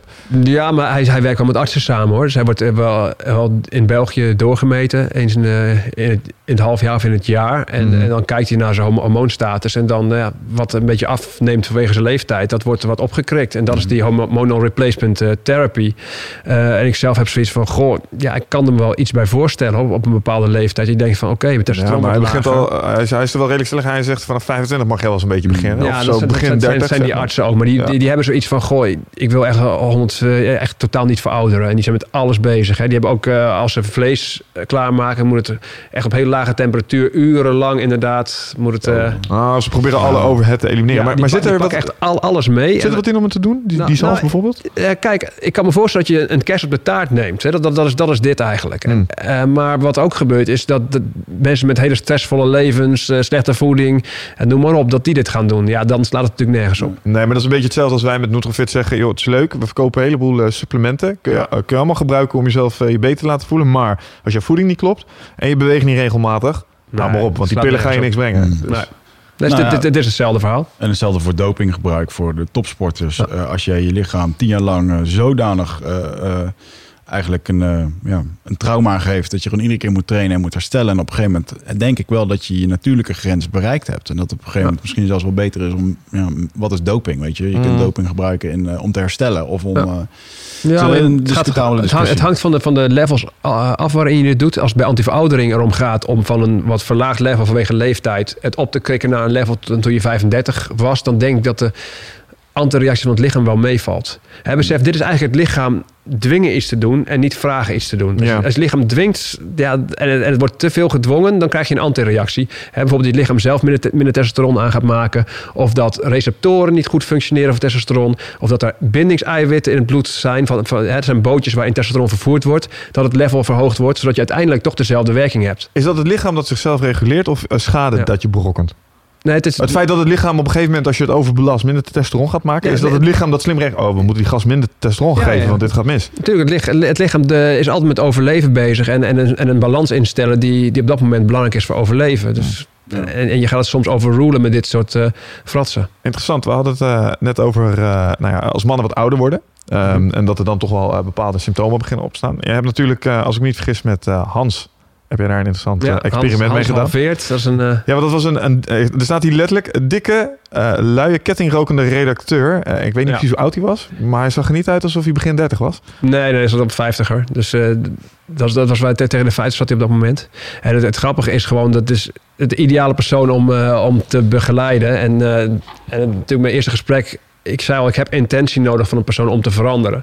En ik heb heel lang gesprek met hem gehad toen. En toen vond ik toch een bepaalde intentie dat hij toch wel wilde Want veranderen. hij was nog, ik heb het boek eh, zitten doorbladeren en hij mopperde nogal links en Ja. rechts. Het ging niet van harte, tenminste zo Nee, kwam nee, het over. Nee, maar dat is ook een soort houding die je vervolgens hebt. Hè? En ik merk ook eh, met het vullen of voeden verhaal met Wilfred Gené. Mm. Ja, het is natuurlijk binnen de voetbalwereld is het natuurlijk heel stoer om juist je niet met gezond eten bezig te houden. Hè? Als je kijkt zo'n Johan Derks die dan bewust dat belachelijk maakt. Ja. de truc is om Johan Derks het eerst belachelijk te laten maken. En vervolgens, dan, dan zit iedereen gaat met Johan, met Johan Derks mee. En Johan Derks laat je vervolgens microstappen zetten. Ja. En dan gaat de, gaat de rest toch mee, want Johan Derks doet het ook. Ja, het is een heel raar, raar soort, soort gedrag wat je uiteindelijk moet veranderen. En, en bij, bij Hans is het natuurlijk, ja, dat was ontzettend leuk. En die man schrijft heel goed. Er is een jaar lang een uh, paroolcolumn geweest over gedragsverandering. En dat is uiteindelijk uh, dus een boek geworden. Ja, hoe kijk je terug op dat traject? Was het een succes voor je? Ja, dat was een heel gro een groot succes. Was het een succes voor hem? Ja, maar voor, voor hem. En een jaar later uh, heb ik hem natuurlijk weer, weer eventjes uit, samen ge, ge, gegeten. En mm. hij was nog steeds in een, een goede shape. Dus er is echt wel wat, wat veranderd aan zijn ja, aan zijn gedrag voor de lange termijn. Ja, en heb je hier nog een specifiek andere aanpak gebruikt omdat het toch al een 50-plusser was? Weet je, op het moment dat, uh, stel ik, ik ben 50 plus, ik luister hier naar. Stel je voor dat we die doelgroep ook uh, aanboren. Ja. Um, en die denken van ja, het is eigenlijk of, of stel je zit, uh, je bent de 30 voorbij en je hebt een druk kantoor en denkt, ik, joh, ik wil aan de bak hiermee. Dit klinkt allemaal erg goed. Wat zijn dan de eerste dingen waar je aan begint te sleutelen met die mensen? Ja, ik begin sowieso eerst te kijken van, van vanuit die helikopterview, waar kan die persoon het meest winnen in zijn, in zijn levensstijl? Mm. En dan ga je kijken hoe, hoe, grote stappen kan die aan. En in dit geval was, waren het microstappen. En ik, moet, ik, ik heb bewust niet geze, dit, deze boeken niet aan hem gegeven, de hormoonfactor en de rest. Ja. Dat was, ja, het is eigenlijk, uh, als je nog niet kunt schaken, moet je meteen simultaan schaken voor hem. En dat, dat, dat was, uh, ja, zo is het ook, hè? was een veel te grote stap. En bij hem ging je gewoon echt met kleine dingen kijken in zijn levensstijl. Goh, spare ribs, drank, al die dingen ga je vervolgens naar kijken en je gaat betere alternatieven geven. Zeg nou dat spare ribs niet goed voor je zijn? Oh shit. Dit ja. gesprek is klaar. Ja. varken. Je moet geen varken je eten. Geen varken eten. Weet je. Ja, zo lekker. Vast, zo goed. Oké. Okay. Um, ja, maar dat was natuurlijk een van je um, nou, iets recentere boeken. Maar je, je bent natuurlijk ook nog actief aan het schrijven. Ja. Ja, je bent bezig met iets momenteel. Ik denk zelfs dat de grote klapper nog moet komen. En dat is in oktober. Vertel, vertel, vertel. Dat is zeg maar, het boek heet Hormoonbalans voor vrouwen. Uh, en het gaat over alle vrouwenklachten die er zijn. Mm. En je ziet soms wel eens boeken over de overgang bijvoorbeeld, hè, één Mhm. onderwerp uitgediept. Maar in dit boek heb ik echt de hele ziektes uh, duidelijk geschreven, samen met een gynaecologe. En vervolgens uh, de 40 belangrijkste vrouwenklachten. Denk aan niet zwanger kunnen worden, Ja. uh, PMS noemden we net, endometriose, kiestus, borstkanker, noem maar op. Hmm. Al die thema's gedaan en dan geschreven ook vanuit wat doet de arts en wat kun je zelf doen. Ja. En dat is bij elkaar gekomen op een hele leuke manier. Oh, dus dat pak je eigenlijk, als, dat is, ik neem aan een stuk preventie eigenlijk. Zo'n boek ter preventie. Of heb je ook oplossingen Nee, voor een aantal nee, van die problemen? Echt, echt oplossingen. Wat is een high-pack dingetje van als je stel je bent een dame, je luistert hier naar echt zo'n typisch ding waar jij gewoon in dat boek iets aan kan fixen, redelijk makkelijk. Ja, bij- bijna alles staat, Alles. Dat staat sowieso beschreven. Je hebt Mm. natuurlijk gevallen waarbij ingrijp door, door de arts eh, nodig is. Mhm. Maar tegelijkertijd moet je altijd aan de oorzaak gaan werken. En de- dit biedt die combi. Dus van, van twee kanten bekeken. En soms eh, ja, worden door deze aanpak medicijnen overbodig. Dus dat is wel heel erg leuk. Uh, je noemde net bijvoorbeeld een, uh, denk ik, een hele gevoelige. Want als ik kijk naar mijn omgeving, uh, waar iedereen ook al met kinderen bezig is, het niet zwanger kan worden. Ja. Dat is wel een statement. Ja, Om zeker. daar, uh, Ja, ik, ik, denk dan net zelfs als je zegt borstkanker, denk ik, oh, dat is echt Ja, een maar glad wat- ijs, jongen. Weet Ja, je is, wel? is een glad ijs. Maar Ja. je moet ook bepaalde disclaimers inbouwen. En ook zeker niet zeggen dat je altijd, altijd alles kunt genezen. Maar Nee. je kunt, kunt wel zeggen, wat doet de arts? Wat zijn de normale methodes? Ja, ja, ja, En, ja. en vervolgens, wat kun je zelf doen om bijvoorbeeld je immuunsysteem te ondersteunen? En Ja. noem maar op, zonder claims te maken. Ja. Maar je, je, kunt, je moet niet zeggen van, goh, eh, er is niks bewezen. Ga alleen maar die behandeling doen en de rest eh, laat maar zitten. Ja. Nee, dat snap ik. En, en zwanger worden, worden is natuurlijk ook een thema waar heel veel oorzaken van, eh, van zijn die we, ik hier dan weer in, eh, in uitwerk. Ja. Niet goed voor de, waar we net over hadden, het thema overbevolking. Maar Nee, ja, inderdaad.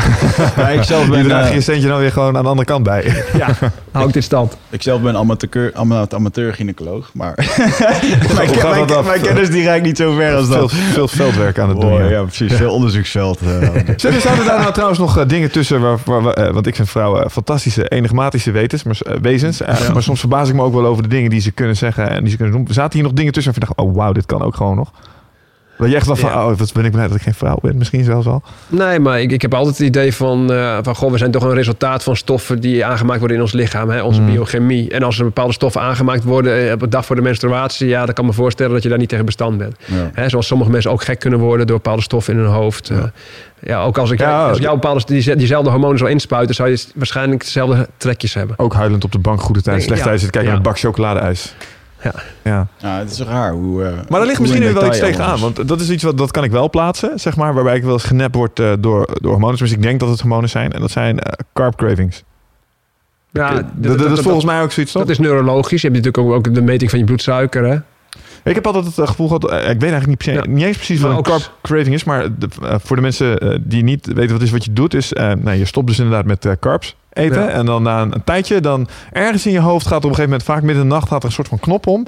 En sta je dus om vier uur s'nachts een pizza te bakken, omdat op dat moment echt, er moet iets van die aard gegeten worden en het is bijna niet te beheersen. Het, Ja, en het gaat voor de bijl. Denk ook aan de neurohormonen. Er zijn ook hormonen die in onze hersenen werkzaam zijn. De- Denk ook aan serotonine, een eh geluksmaakstofje. Ja. Een soort neurohormoon wat, eh, wat daarmee werkt. En wat eh, gebeurt hier nou precies? S'nachts. S'nachts. eh, serot- serotonine is een stof die wordt aangemaakt in de darm. eh, Hmm. En die piekt met name overdag. Eh, en wordt ook geboost eh, na het eten van bijvoorbeeld suikers en een, en een maaltijd.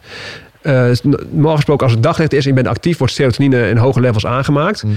En diezelfde stof serotonine wordt s'avonds omgezet in melatonine, waardoor je gaat slapen. En s'nachts zijn de serotonine-levels wat lager. Diezelfde serotonine-levels die laag liggen, in combinatie met nog wat andere stoffen, hebben ook een link bijvoorbeeld bij depressies. Hmm. En dan worden soms antidepressiva genomen. En als er zit dan uh, bijvoorbeeld, zit dan weer serotonine in een chemische vorm, vorm in.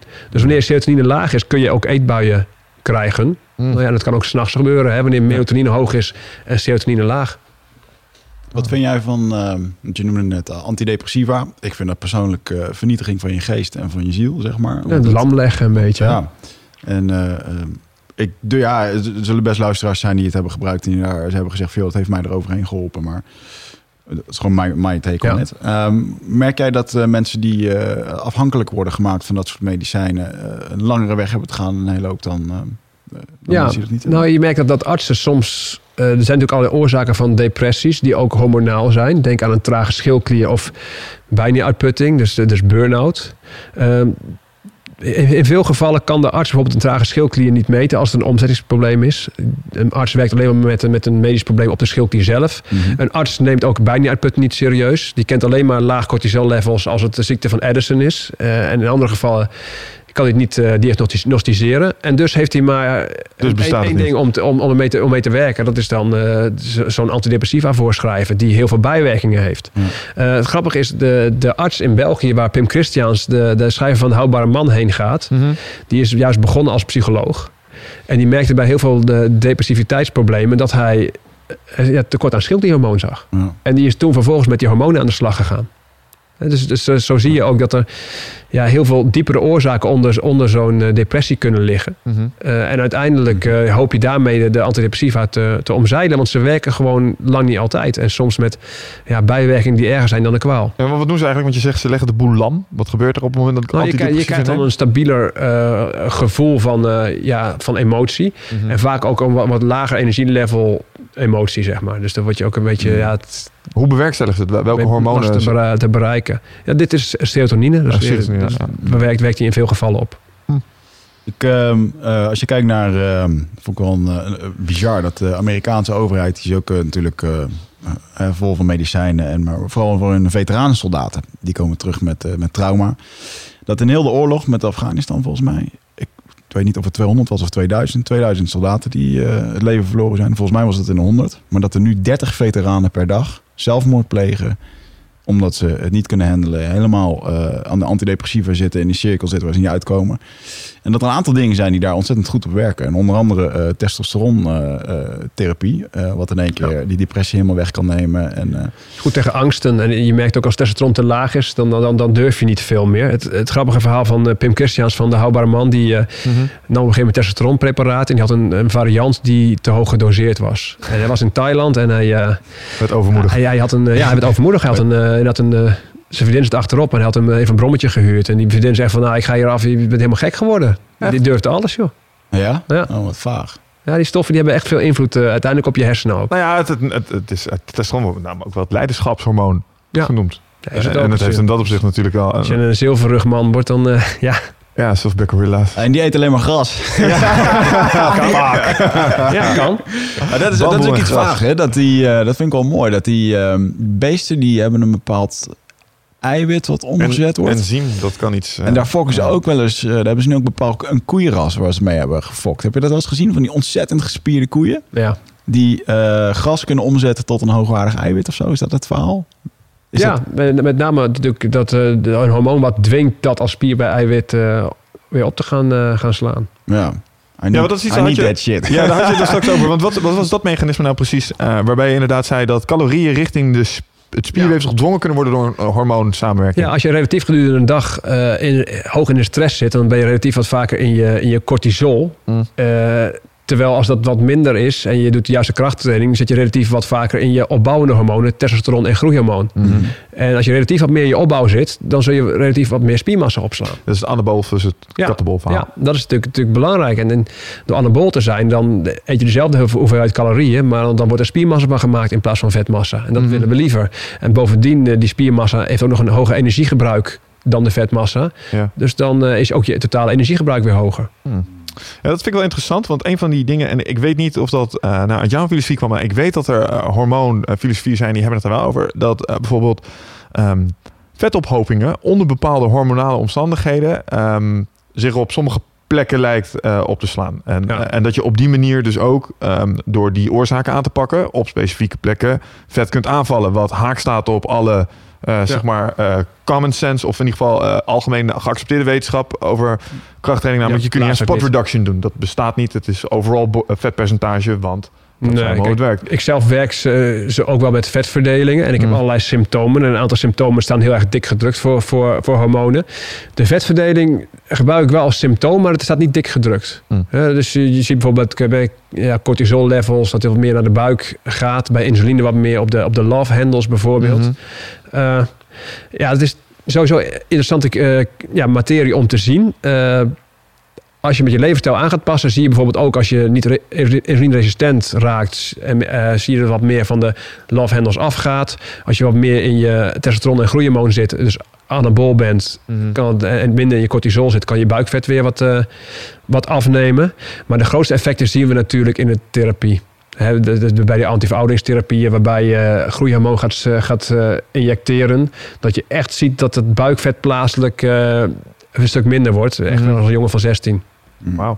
Want die anti-agingstherapieën, ehm, g- geloof jij daarin? Denk je dat dat heilzaam is voor je op lange termijn? Eh, Is het een soort van Ik, eh, roofbouw misschien ook wel? Ja, het, is, het is lastig. Het is de- ik vind het ook weer een experiment. Ik zelf, ja, misschien als ik 60 ben en ik denk van, goh, nou ja, laat ik nog even wat, de testosteron wat, op wat boosten. Denk, nou, Mhm. dat zou ik wel, wel durven. Maar er zijn ook heel veel mensen die, die gaan echt met groeihormoon aan de slag. En eh, van alles, Mm.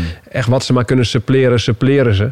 En dat vind ik toch een, een experiment. Want ik zei al, als je het lichaam dwingt iets te doen, dan krijg je altijd een antireactie. En, en dat kan ook een vervelende zijn. Mhm.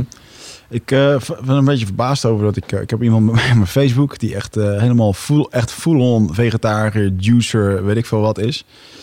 Maar die wel vo- anabolen spuit. Nee, maar die wel botox-behandelingen eh, doet in, in, een- een salon en dingen. Ik vind dat zo... Ik, ja, iedere keer als ik het zie, dan irriteer ik me eraan. Ja, maar dat zal wel wat te maken hebben met... eh, Ik vond het wel mooi dat eh, Elliot Hulse, waar ik toen was in, eh, in Engeland, die zei ook, ja, vroeger werkte ik voor een baas en die had een eh, kooksnuivende vegetarische vriendin. Dat vond ik ook een mooie Ja. climax. maar en ik vind dit ook weer zo'n ding, ja, botox, het is ook zo'n soort van stof, eh, ja, weet je, je kunt dat weer helemaal goed praten, maar het is toch gewoon klote zooi. Je spuit het toch niet in je? ik weet niet wat het met je doet. eh, Wat, wat is your take on, eh, ja, on is, het is echt natuurlijk, natuurlijk. Het zal zeker een stressreactie uit, uitlokken, maar het is ook verschillend per persoon. Er zijn mensen die zijn wat overgevoelig voor botox en die, eh, die krijgen er echt een immuunsysteemreactie door. mhm. Ehm, naast botox, wat je natuurlijk nog veel meer ziet en dat misschien nog wel heftiger is, is eh, Mhm, Hè, er zijn allerlei, eh, allerlei spuiten om uiteindelijk volume in je gezicht eh, te krijgen. ja. Ja, en die stoffen zijn ook lang niet allemaal eh, natuurlijk die gebruikt worden. En, en dan zie je ook soms kapsel erom reageren met ontstekingsactiviteit. Eh, niet zo erg dat mensen daar lelijk van uit, uit gaan zien. Maar het is toch je immuunsysteem wat onnodig actief is. Ja, jij introduceert iets in het systeem wat er ja. niet hoort. Ah, joh, er zijn ook hele fora's vol met eh, dames die een borstvergroting hebben gedaan... die vervolgens een auto-immuunziekte hebben gekregen. Ja. Want ja, daarna. En dat is ik heb het heel, ik heb het natuurlijk vaker gezien. in Ja, als je een bepaalde kring een personal training geeft. Mhm. De borstvergroting is daar natuurlijk niet vreemd. Nee. Na de Eh, Hilversum. Ja. We noemen het gewoon BN het Nederland. Allemaal neptieten. Ja, duidelijk. Ja, en ehm, je ziet wel vaak dan in één keer eh, bepaalde, bepaalde ja, of, of, of netelroos of andere klachtjes. Ja, ja, ja, Zeker ja. de eerste, de eerste paar maanden erna dat je immuunsysteem toch aan het werk is. Hoor. Die, dat Ja. hij nog niet helemaal accepteert wat, wat daar gebeurt. Nee. Ja, dat is toch weer inderdaad, zei al, immuunsysteem die actief is, dat kan, is het risico op auto-immuunziekte wordt ook weer groter. Mhm. Ja, dat is bizar. Ja, je ziet het veel tegenwoordig. Ja, je kan ze ook gewoon een lopende band halen natuurlijk. Ja. Ja. Ja, het is toch wel grappig hoe, ehm, en misschien dat je dat bij inderdaad in de, in de BN, eh, in de BN-kringen toch wel vaker ziet, hoe dan uiteindelijk keuzes worden gemaakt die op Ja. korte termijn ehm, de, de- lijken benefit te leveren, maar op de lange termijn waarschijnlijk maar, echt maar uiteindelijk is, is, de vraag. Hè, soms is, is iets slecht, eh, slechts wat je, je ja, in je lichaam stopt, uiteindelijk toch goed voor je. Want het kan toch ook zijn dat mensen zelfvertrouwen gaan krijgen door Oh die ja, borstimplantaten. Of, of door die injectables in één keer zich een stuk ja, zelfverzekerd voelen en gelukkiger zijn. Ja, of bepaalde filmrollen En- en wel krijgen, omdat en- ze ja, precies. hebben. En dat toch uiteindelijk de balans dan positief uitslaat op je gezondheid. Hè? Ja. Hetzelfde als dat, eh, waarom is rode wijn goed? Ja, we zitten iedere keer naar stofjes te zoeken. Van ja, er zit een stofje in rode wijn. Een Resveratrol. Polyf, ja, resveratrol, polyfenolen. Ja. Eh, en dat stofje zal ervoor zorgen waarschijnlijk dat mensen in Frankrijk die één glas wijn per dag drinken, dat die eh, minder hart- en vaatziekten hebben. Ja.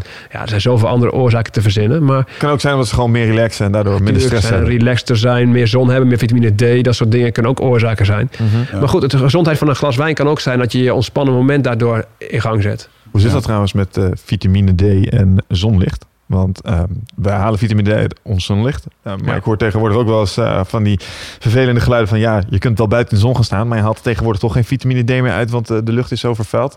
Nou, Ik ik, weet niet of dat waar is. ik denk dat er zeker als, als, als je in de zon staat, dat het heel erg goed met je gaat. Eh, maar in de winter vind ik het wel... in- Ik vraag me af of je na twee dagen in de Sahara er nog zo over denkt. Maar Nee, dat is waar. Alles met mate, jongen. Ja. Ook mate. Is ook zo. Ja, en eh, in de winter eh suppleren vind ik wel een aanrader. Zeker voor mensen die bijvoorbeeld een donkere huid hebben en het moeilijk aanmaken, die vitamine D. Mhm. Of een, iemand met een eh, bijvoorbeeld rood haar en een hele, hele lichte huid die niet tegen zonlicht kan en er niet ingaat. Ja. Ja, dat zijn van die dingen. Ik, goh, suppleren. En suppletie doe ik echt ook, ook specifiek op mensen waarvan ik verwacht van, oké, die zal dit nodig hebben of die zal dat nodig hebben. Mm. Maar ik bied het sowieso nooit in overdoseringen aan om, om het lichaam te dwingen iets te doen. Mm. Dat kun je Nee. natuurlijk ook doen met bepaalde stoffen. Ja, ook wel- Het is veel informatie, eh, man. Ik, eh, ik zit even op jouw eh, website te kijken wat je allemaal nog meer doet. Je, doet ook, je, be- je bent ook adviseur voor bedrijven. Is het dan Ja. zo dat bedrijven gewoon letterlijk zeggen van... joh, mijn ziekteverzuim is 30% en we willen dat Oh. naar 15? eh? Ook dat. Hè. Je hebt natuurlijk de vitaliteitsplannen binnen bedrijven waar ik vaak mee werk. En ik heb inmiddels zoveel trainers opgeleid dat ik het ook samen met trainers eh, Mhm. ka- kan doen. Ja.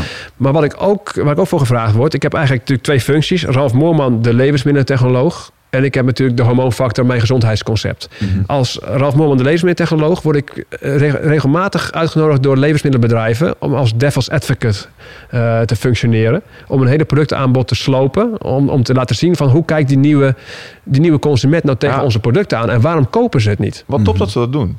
Ja, Ja. er zit natuurlijk wel commercieel belang achter. Want je wil maar- maar het is- appelleren aan die... ja, maar met name, het is met name top dat, dat, dat, dat ze dit, dit doen is gewoon een teken dat mensen anders kopen. En daar word je heel blij van. Hoe leuk zijn die klussen om dat te doen? Dan zit er zo'n zo'n leger van die marketingmanagers. geweldig. Ja, zit dan schiet je alles aan marketingmanager. Maar heb, jij, heb jij dan ook het gezondheidslabel van Optimal gedaan? Nee, nee, en het leuke is, meestal word je dan in zo'n groep uitgenodigd en wordt er altijd weer een of andere, ja, die altijd standaard kwamen, een professor bijgezet. Ja, En, en nou ja, er zijn natuurlijk een aantal professoren in Nederland die noem ik eigenlijk corporate professoren, die echt in het, toch wel een beetje praten naar de mond van bedrijven hoor. die Ja. toevallig ook eh, allerlei subsidies toezeggen. Ja, dat, dat, eh, dat, dat, ja, gaat het echt zo ver, denk je? Ja, dat, dat, dat, Ah, maar is het Dus niet er zijn eigenlijk- natuurlijk hele goede, eh, goede wetenschappers en professoren. Maar ik moet zeggen, je hoort ze niet zo vaak eh, op de radio of op tv. Die zitten echt toch wel vaak vooruitgeschoven pionnen. Zo voelt het voor mij hoor. Ja. Maar, Tenminste, anders, als het niet zo was, zouden ze andere uitspraken doen. Maar het is ook moeilijk. Als bijvoorbeeld zo'n eh, zo'n professor al tien jaar met zo'n bedrijf werkt. Die hebben gewoon een prima relatie. Ja. En in eerste instantie deed die professor ook alles wat... eh, om goed te zijn, weet ik veel wat. En op een gegeven moment heb je Ja. die relatie. Het is ook moeilijk om als mens zijnde... om Zo begint het. Om je dan iedere keer te weren tegen, dan komt Ralf weer aan. Ja, dan gaat onzin en dit en dat, weet je wel. Maar Nou, goed, dat heb, heb ik toch ook. Hè? Ja. Je kan toch ook bepaalde samenwerkingen aangaan... waarin je toch denkt van... oké, ik heb nu samenwerking met die en die. Bepaalde dingen noem ik toch eventjes niet. Ja.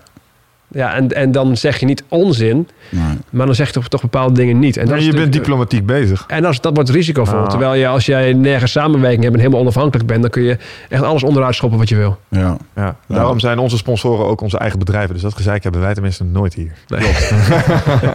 nog, nog wel, hè? Wacht, Ja, ja, nou, ja, ja. jij zegt het wel. Ja. Wacht tot het groot wordt. Ja. Jij wilde toch ook eh, sponsor eh, worden van de show? Ja, ja. Toch? toch, Ralf? Ik heb er flink wat tijd geïnvesteerd al. Ja, dat is een hele goede. Nice. Ja, Ja, leuk. Ja, mooi. Alright man. Hey, maar ehm, eh, de mensen kunnen jou vinden op eh ralfmoorman.nl. Com. Jij geeft ook eh, één op één, eh, eh, want dat vind ik wel mooi. Je bent er eigenlijk best wel, eh, nou, ik denk wel te zeggen dat je nu in een beetje in de prime zit van jou, eh, van de dingen die je hebt gedaan. Het je- hoeft niet meer eigenlijk. Kijk, ik begeleid nog steeds mensen en ik vind het gewoon belangrijk om met praktijk in, in contact te blijven. En het is voor mij ook een manier om, eh, nou ja, het, natuurlijk is het, is het eh, niet helemaal lopend bandwerk. Mhm. Maar als ik mensen in de sportschool train, die ik al jaren train, en die zijn dan in shape, die zijn Ja. dan blij. Ja, het is voor mij ook een manier om, om op wat uren te maken waarbij ik niet zo ontzettend diep hoef na te denken. Ja. Ja. Want als je, als, je dat ge- geen, eh, als je alleen maar nieuwe mensen in consulten zou zien, wat sommige eh, begeleiders of, of consulenten ook hebben, ja, dan moet je ieder uur weer helemaal gefocust zijn. Ja. Ja. Dat is echt lastig hoor, om dat de hele dag door te doen. Ja. Ah, plus ik denk ook dat je op een gegeven moment ehm, de luxe voor jezelf creëert. Omdat je gewoon, iemand komt bij jou, jij kijkt naar iemand en dan gaan honderd filters eh, heen en weer. En die, ja, dat, daar hoef je niet meer zo erg over na te denken als eerst. Nee, nee. dat is ook een beetje... Je bent een plan aan het uitvoeren in plaats Ja. van een plan aan het opstellen op zo'n moment. En dat is ook wel eens lekker. Ja, het is, het is heerlijk. Bovendien, je ziet de voortgang nog steeds gebeuren. Ik vind een van de leukste dingen, vind ik, als ik gains zie bij cliënten. Ja. Als ze zelf gewoon vooruit gaan, ze staan zichzelf te bazen. Hé, hey, wauw, dit ging gewoon echt beter. Ja, dat is leuk hè? Ja, het is geweldig. Maar je, Ja. begint, je begint natuurlijk, als ik denk aan mijn eerste jaren in de, in de gym, dan begin je echt met met name met lichaamssamenstellingen verbeteren, echt trainingsschema's aanpassen en daar heel Mm. erg op focussen dat mensen dat doen. Maar ik merk nu toch wel dat dat het mentale stuk, het mental coaching, dat dat ga je door je ervaring ook steeds beter leren. En dat Ja. geeft toch heel veel ervaring, dat je, of het is zo'n uitdaging, dat je ook mensen juist weer heel erg in hun kracht gaat krijgen. Niet alleen op sportgebied, maar ook op mentaal gebied. Ja, of te motiveren. Ik bedoel, eh, als, als personal training me iets geleerd heeft, is de non-verbale communicatie van weerstand goed herkennen. Ik heb hier echt geen zin in. Nou, maar we gaan het toch even doen vandaag. Weet je? Ja, dat soort dingen Ja, worden absoluut bij. Ik, ik word ook ouder. Hè. Ik, moet, moet zeggen, ik, vroeger vond ik het ook heel interessant om, om, om fitnessatleten te trainen. Om het lage, laatste laagje vet eraf te krijgen. En eh, dat ze even geolied ergens op een koffer van een blad stonden. Mhm. Is toch wel een beetje afgelopen. Want ik, ik moet zeggen, er zit ook heel vaak een, een boel obsessiviteit achter. Ja. mensen die dat willen. En ik zie dat nog steeds hoor, maar op een consulten. Hè, die, vroeger had je anorexia. Nu heb je eigenlijk eh, een gespierde vorm van anorexia die nou heel erg populair is. Hè. Vrouwen Ja. willen met sixpacks eh, staan. Ja. Maar goed, die komen bij mij omdat ze hun menstruatie kwijt zijn. En, Wow. en vaak met vragen van... Goh Ralf, heb jij eh, niet een truc dat ik toch een sixpack kan houden... en mijn menstruatie terugkrijg? Zeg je nou dat als je dat een dame met een sixpack ziet, dat ze vaak niet menstrueert? Ja, je ziet Nou, het dat- wel dat bij topsporters. Kan veel, kan, ja, dat, dat komt vrij veel voor. Je ziet het toch vaak bij topsporters, eh, dames die in dienst gaan van de militaire eh, dienst. En die in één keer die, die, die fysieke sprint moeten maken. Toen ik op het Shield zat, was het al een, een ding. Dat mensen in één keer zoveel moesten sporten. Ja, of voor En topsporters. jij hield van je zeg maar, medestudenten bij wanneer ze menstrueren? Nou ja, bijvoorbeeld, eh, joh, ik heb zelf een keertje bloed gepist omdat ik eh, te, te, veel had gedaan. Ja, Ja. Ja, Oh, shit. dat is echt te werk. Ik heb nog nooit hard genoeg getraind, hoor ik. Nee, maar richting sixpack bij, bij vrouwen. eh, als je een gunstige ve- vetverdeling hebt, is dat gewoon ge- gezond mogelijk. Daar geloof Mhm. ik absoluut in. Maar als jij een vetverdeling hebt waarbij je voor een sixpack echt heel laag in je vetpercentage moet. Ja, dan heb je het weer over die tegenreactie van het lichaam als je het ja, lichaam dwingt. En, en dan krijg je, ja, dan is voortplanting niet meer. eh, Er is geen optie meer. geen optie meer. Mm, Nee. ja, inderdaad. Alright man, ik vond het wel een hele toffe, dat is een pareltje weer deze podcast. Cool. En eh, eh, ja, volgens mij moeten we je over eh, 100 afleveringen nog maar een keer uitnodigen. Ja, zodra zijn eh, nieuwe boek er is. Zodra een nieuw boek er is. Ja. Huppakee. Dan moeten we nog maar eens een keer, Oh, nog een keertje hier. doen. Gaan we het uitgebreid over vrouwenklachten hebben. Misschien dat we dan ook een beetje vrouwelijke eh, aanwezigheid eh, zullen moeten regelen. dat Ehm, gaat ons echt helemaal voorbij. Als mensen jou willen vinden, dan kunnen ze dat vinden op ralfmoorman.com. Eh, je hebt er ook een webshop waar je al je, je boeken verkoopt, eh, je online coaching en eh, eigenlijk alles wat daar nog wat erbij hoort. Ehm, wordt je nieuwe boek nog op een bepaalde manier gepromoot? Of is dat eh, iets wat... Ja, eh, daar ben ik natuurlijk nu heel erg hard mee bezig. En dus heb ik, ja, de grote vrouwenbladen is gelukt om, dat- om daar sowieso in te komen. Dus dat gaat, eh, gaat al gebeuren. Eh, televisie is altijd het laatste momentwerk. En Ja. wat, wat de belangrijkste programma's in Nederland zijn, is het natuurlijk de, ja, de RTL Late Night. eh, ja, Pauw en Witteman, of niet Witteman is weg met Pauw en, Mm. eh, en, en De Wereld Draait Door. Dat zijn natuurlijk hele belangrijke programma's. mm. En Boulevard, waar ik toevallig persoonlijk eh, wel goede contacten heb. Als je die hebt, dan eh, gaat je boek gelijk al, eh, al lopen. Ja. Alleen het is altijd afhankelijk van wat gebeurt er vlak voordat jouw boek uitkomt. En ik heb bijvoorbeeld wel eens de pech gehad bij Hans Halveert. Ook, eh, en had de, de- kon ik bij RTL Late Night komen. En wat gebeurt er? Eh Ilse de Lange en Welen worden tweede op het Songfestival. Ja, ik had het vergeten. Lig je er gewoon uit. ja. Ja, en, en dat is altijd met tv. Met tv heb je nooit controle. En dus altijd, dus altijd afwachten. En je kunt het zo goed mogelijk voorbereiden. Eh, het, is, het is gewoon geluk hebben Ja. Ja. in dit verhaal. En sowieso, eh, sinds mijn eerste boek, eerste boek had ik nog niks. Nu heb ik eh 30.000 volgers in ieder geval op, eh, op, de social, op, op mijn Facebook. Maar ja, dat scheelt al. In basiskopers heb je natuurlijk al. Ja, dat snap Ja. ik. Dus vandaar dat ik het nu ook zelf uitgegeven heb. Ah, oké. Nice. helemaal. Ja. Dat was eerst ook anders. En dat was eerst eh, gewoon onder, bij, bij de uitgever Pim Christiaans. Ja. En nu heb ik zoiets van, goh, ik durf nu zelf het risico wel aan. Gaaf. Mooi. Leuk. Hey, en ook voor de personal trainers die luisteren, want die hebben ook al eigenlijk een shitload die luisteren. Ehm, die kunnen jij ook vinden, want jij geeft ook training aan die. eh, jij traint Ja, eh, mensen. op, opleiding trainer hormoonfactor, inderdaad. En dan leer ik mensen denken vanuit hormonen. En ik moet zeggen, ik ben zal blij zijn als er wat meer personal trainers in de opleiding eh, komen. Er zijn natuurlijk wel een aantal, iedere groep zit er wel een aantal in. Maar ik merk dat er heel veel juist uh, automoleculair voedingstherapeuten komen erop af. Hmm. eh, voetreflex, masseurs, artsen. Uit allerlei van allerlei kanten komen inderdaad eh, mensen die willen kunnen denken, denken vanuit hormonen. Alleen de personal trainers laten het nog een beetje afweten. Hm. Daar zou ik heel blij mee zijn als de, ook, ook personal trainers wat dieper kunnen gaan dan alleen maar training geven. Ja. ja, het is een andere knop om aan te draaien voor het succes van je cliënten natuurlijk. Ja, het is echt een hele handige tool om te hebben. Ja. Nou, als je je wil aanmelden, dan kan dat met de kortingcode eindbazen. En dan krijgen wij 10% van die opbrengsten. En dan hebben we nu 200.000 personal trainers die dat in hun hoofd hebben. Dan komt het helemaal goed. Wij willen nog even onze sponsoren bedanken. Dat is uh, onder andere Nutrifit, waar je voor al je supplementen terecht kan. Alles wat uh, kunstmatig, uh, of nee, juist niet kunstmatig is. En alles wat organisch is. voor al je kunstmatige supplementen. waar je net gewoon nog hebt gehoord dat ze niet goed zijn, dan kan je daar terecht. En we hebben daarbij ook de money back guarantee. Dus alles wat je bestelt. Als je het niet lekker vindt of als je vriendin het niet mooi vindt, dan mag je het terugsturen en dan krijg je gewoon je geld terug. Ook als je het geprobeerd hebt. Daarnaast willen we graag van jullie horen wat, uh, wat jullie van deze uitzending vonden. Post daar iets mee met hashtag eindbazen op Instagram, Facebook of Twitter. En daarmee kunnen we dat opvangen op onze website. En dat doen we via onze sponsor Easier, die ervoor zorgt dat we social media op displays en websites kunnen laten zien.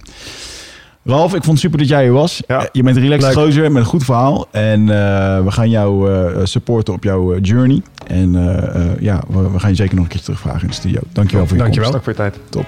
Nice.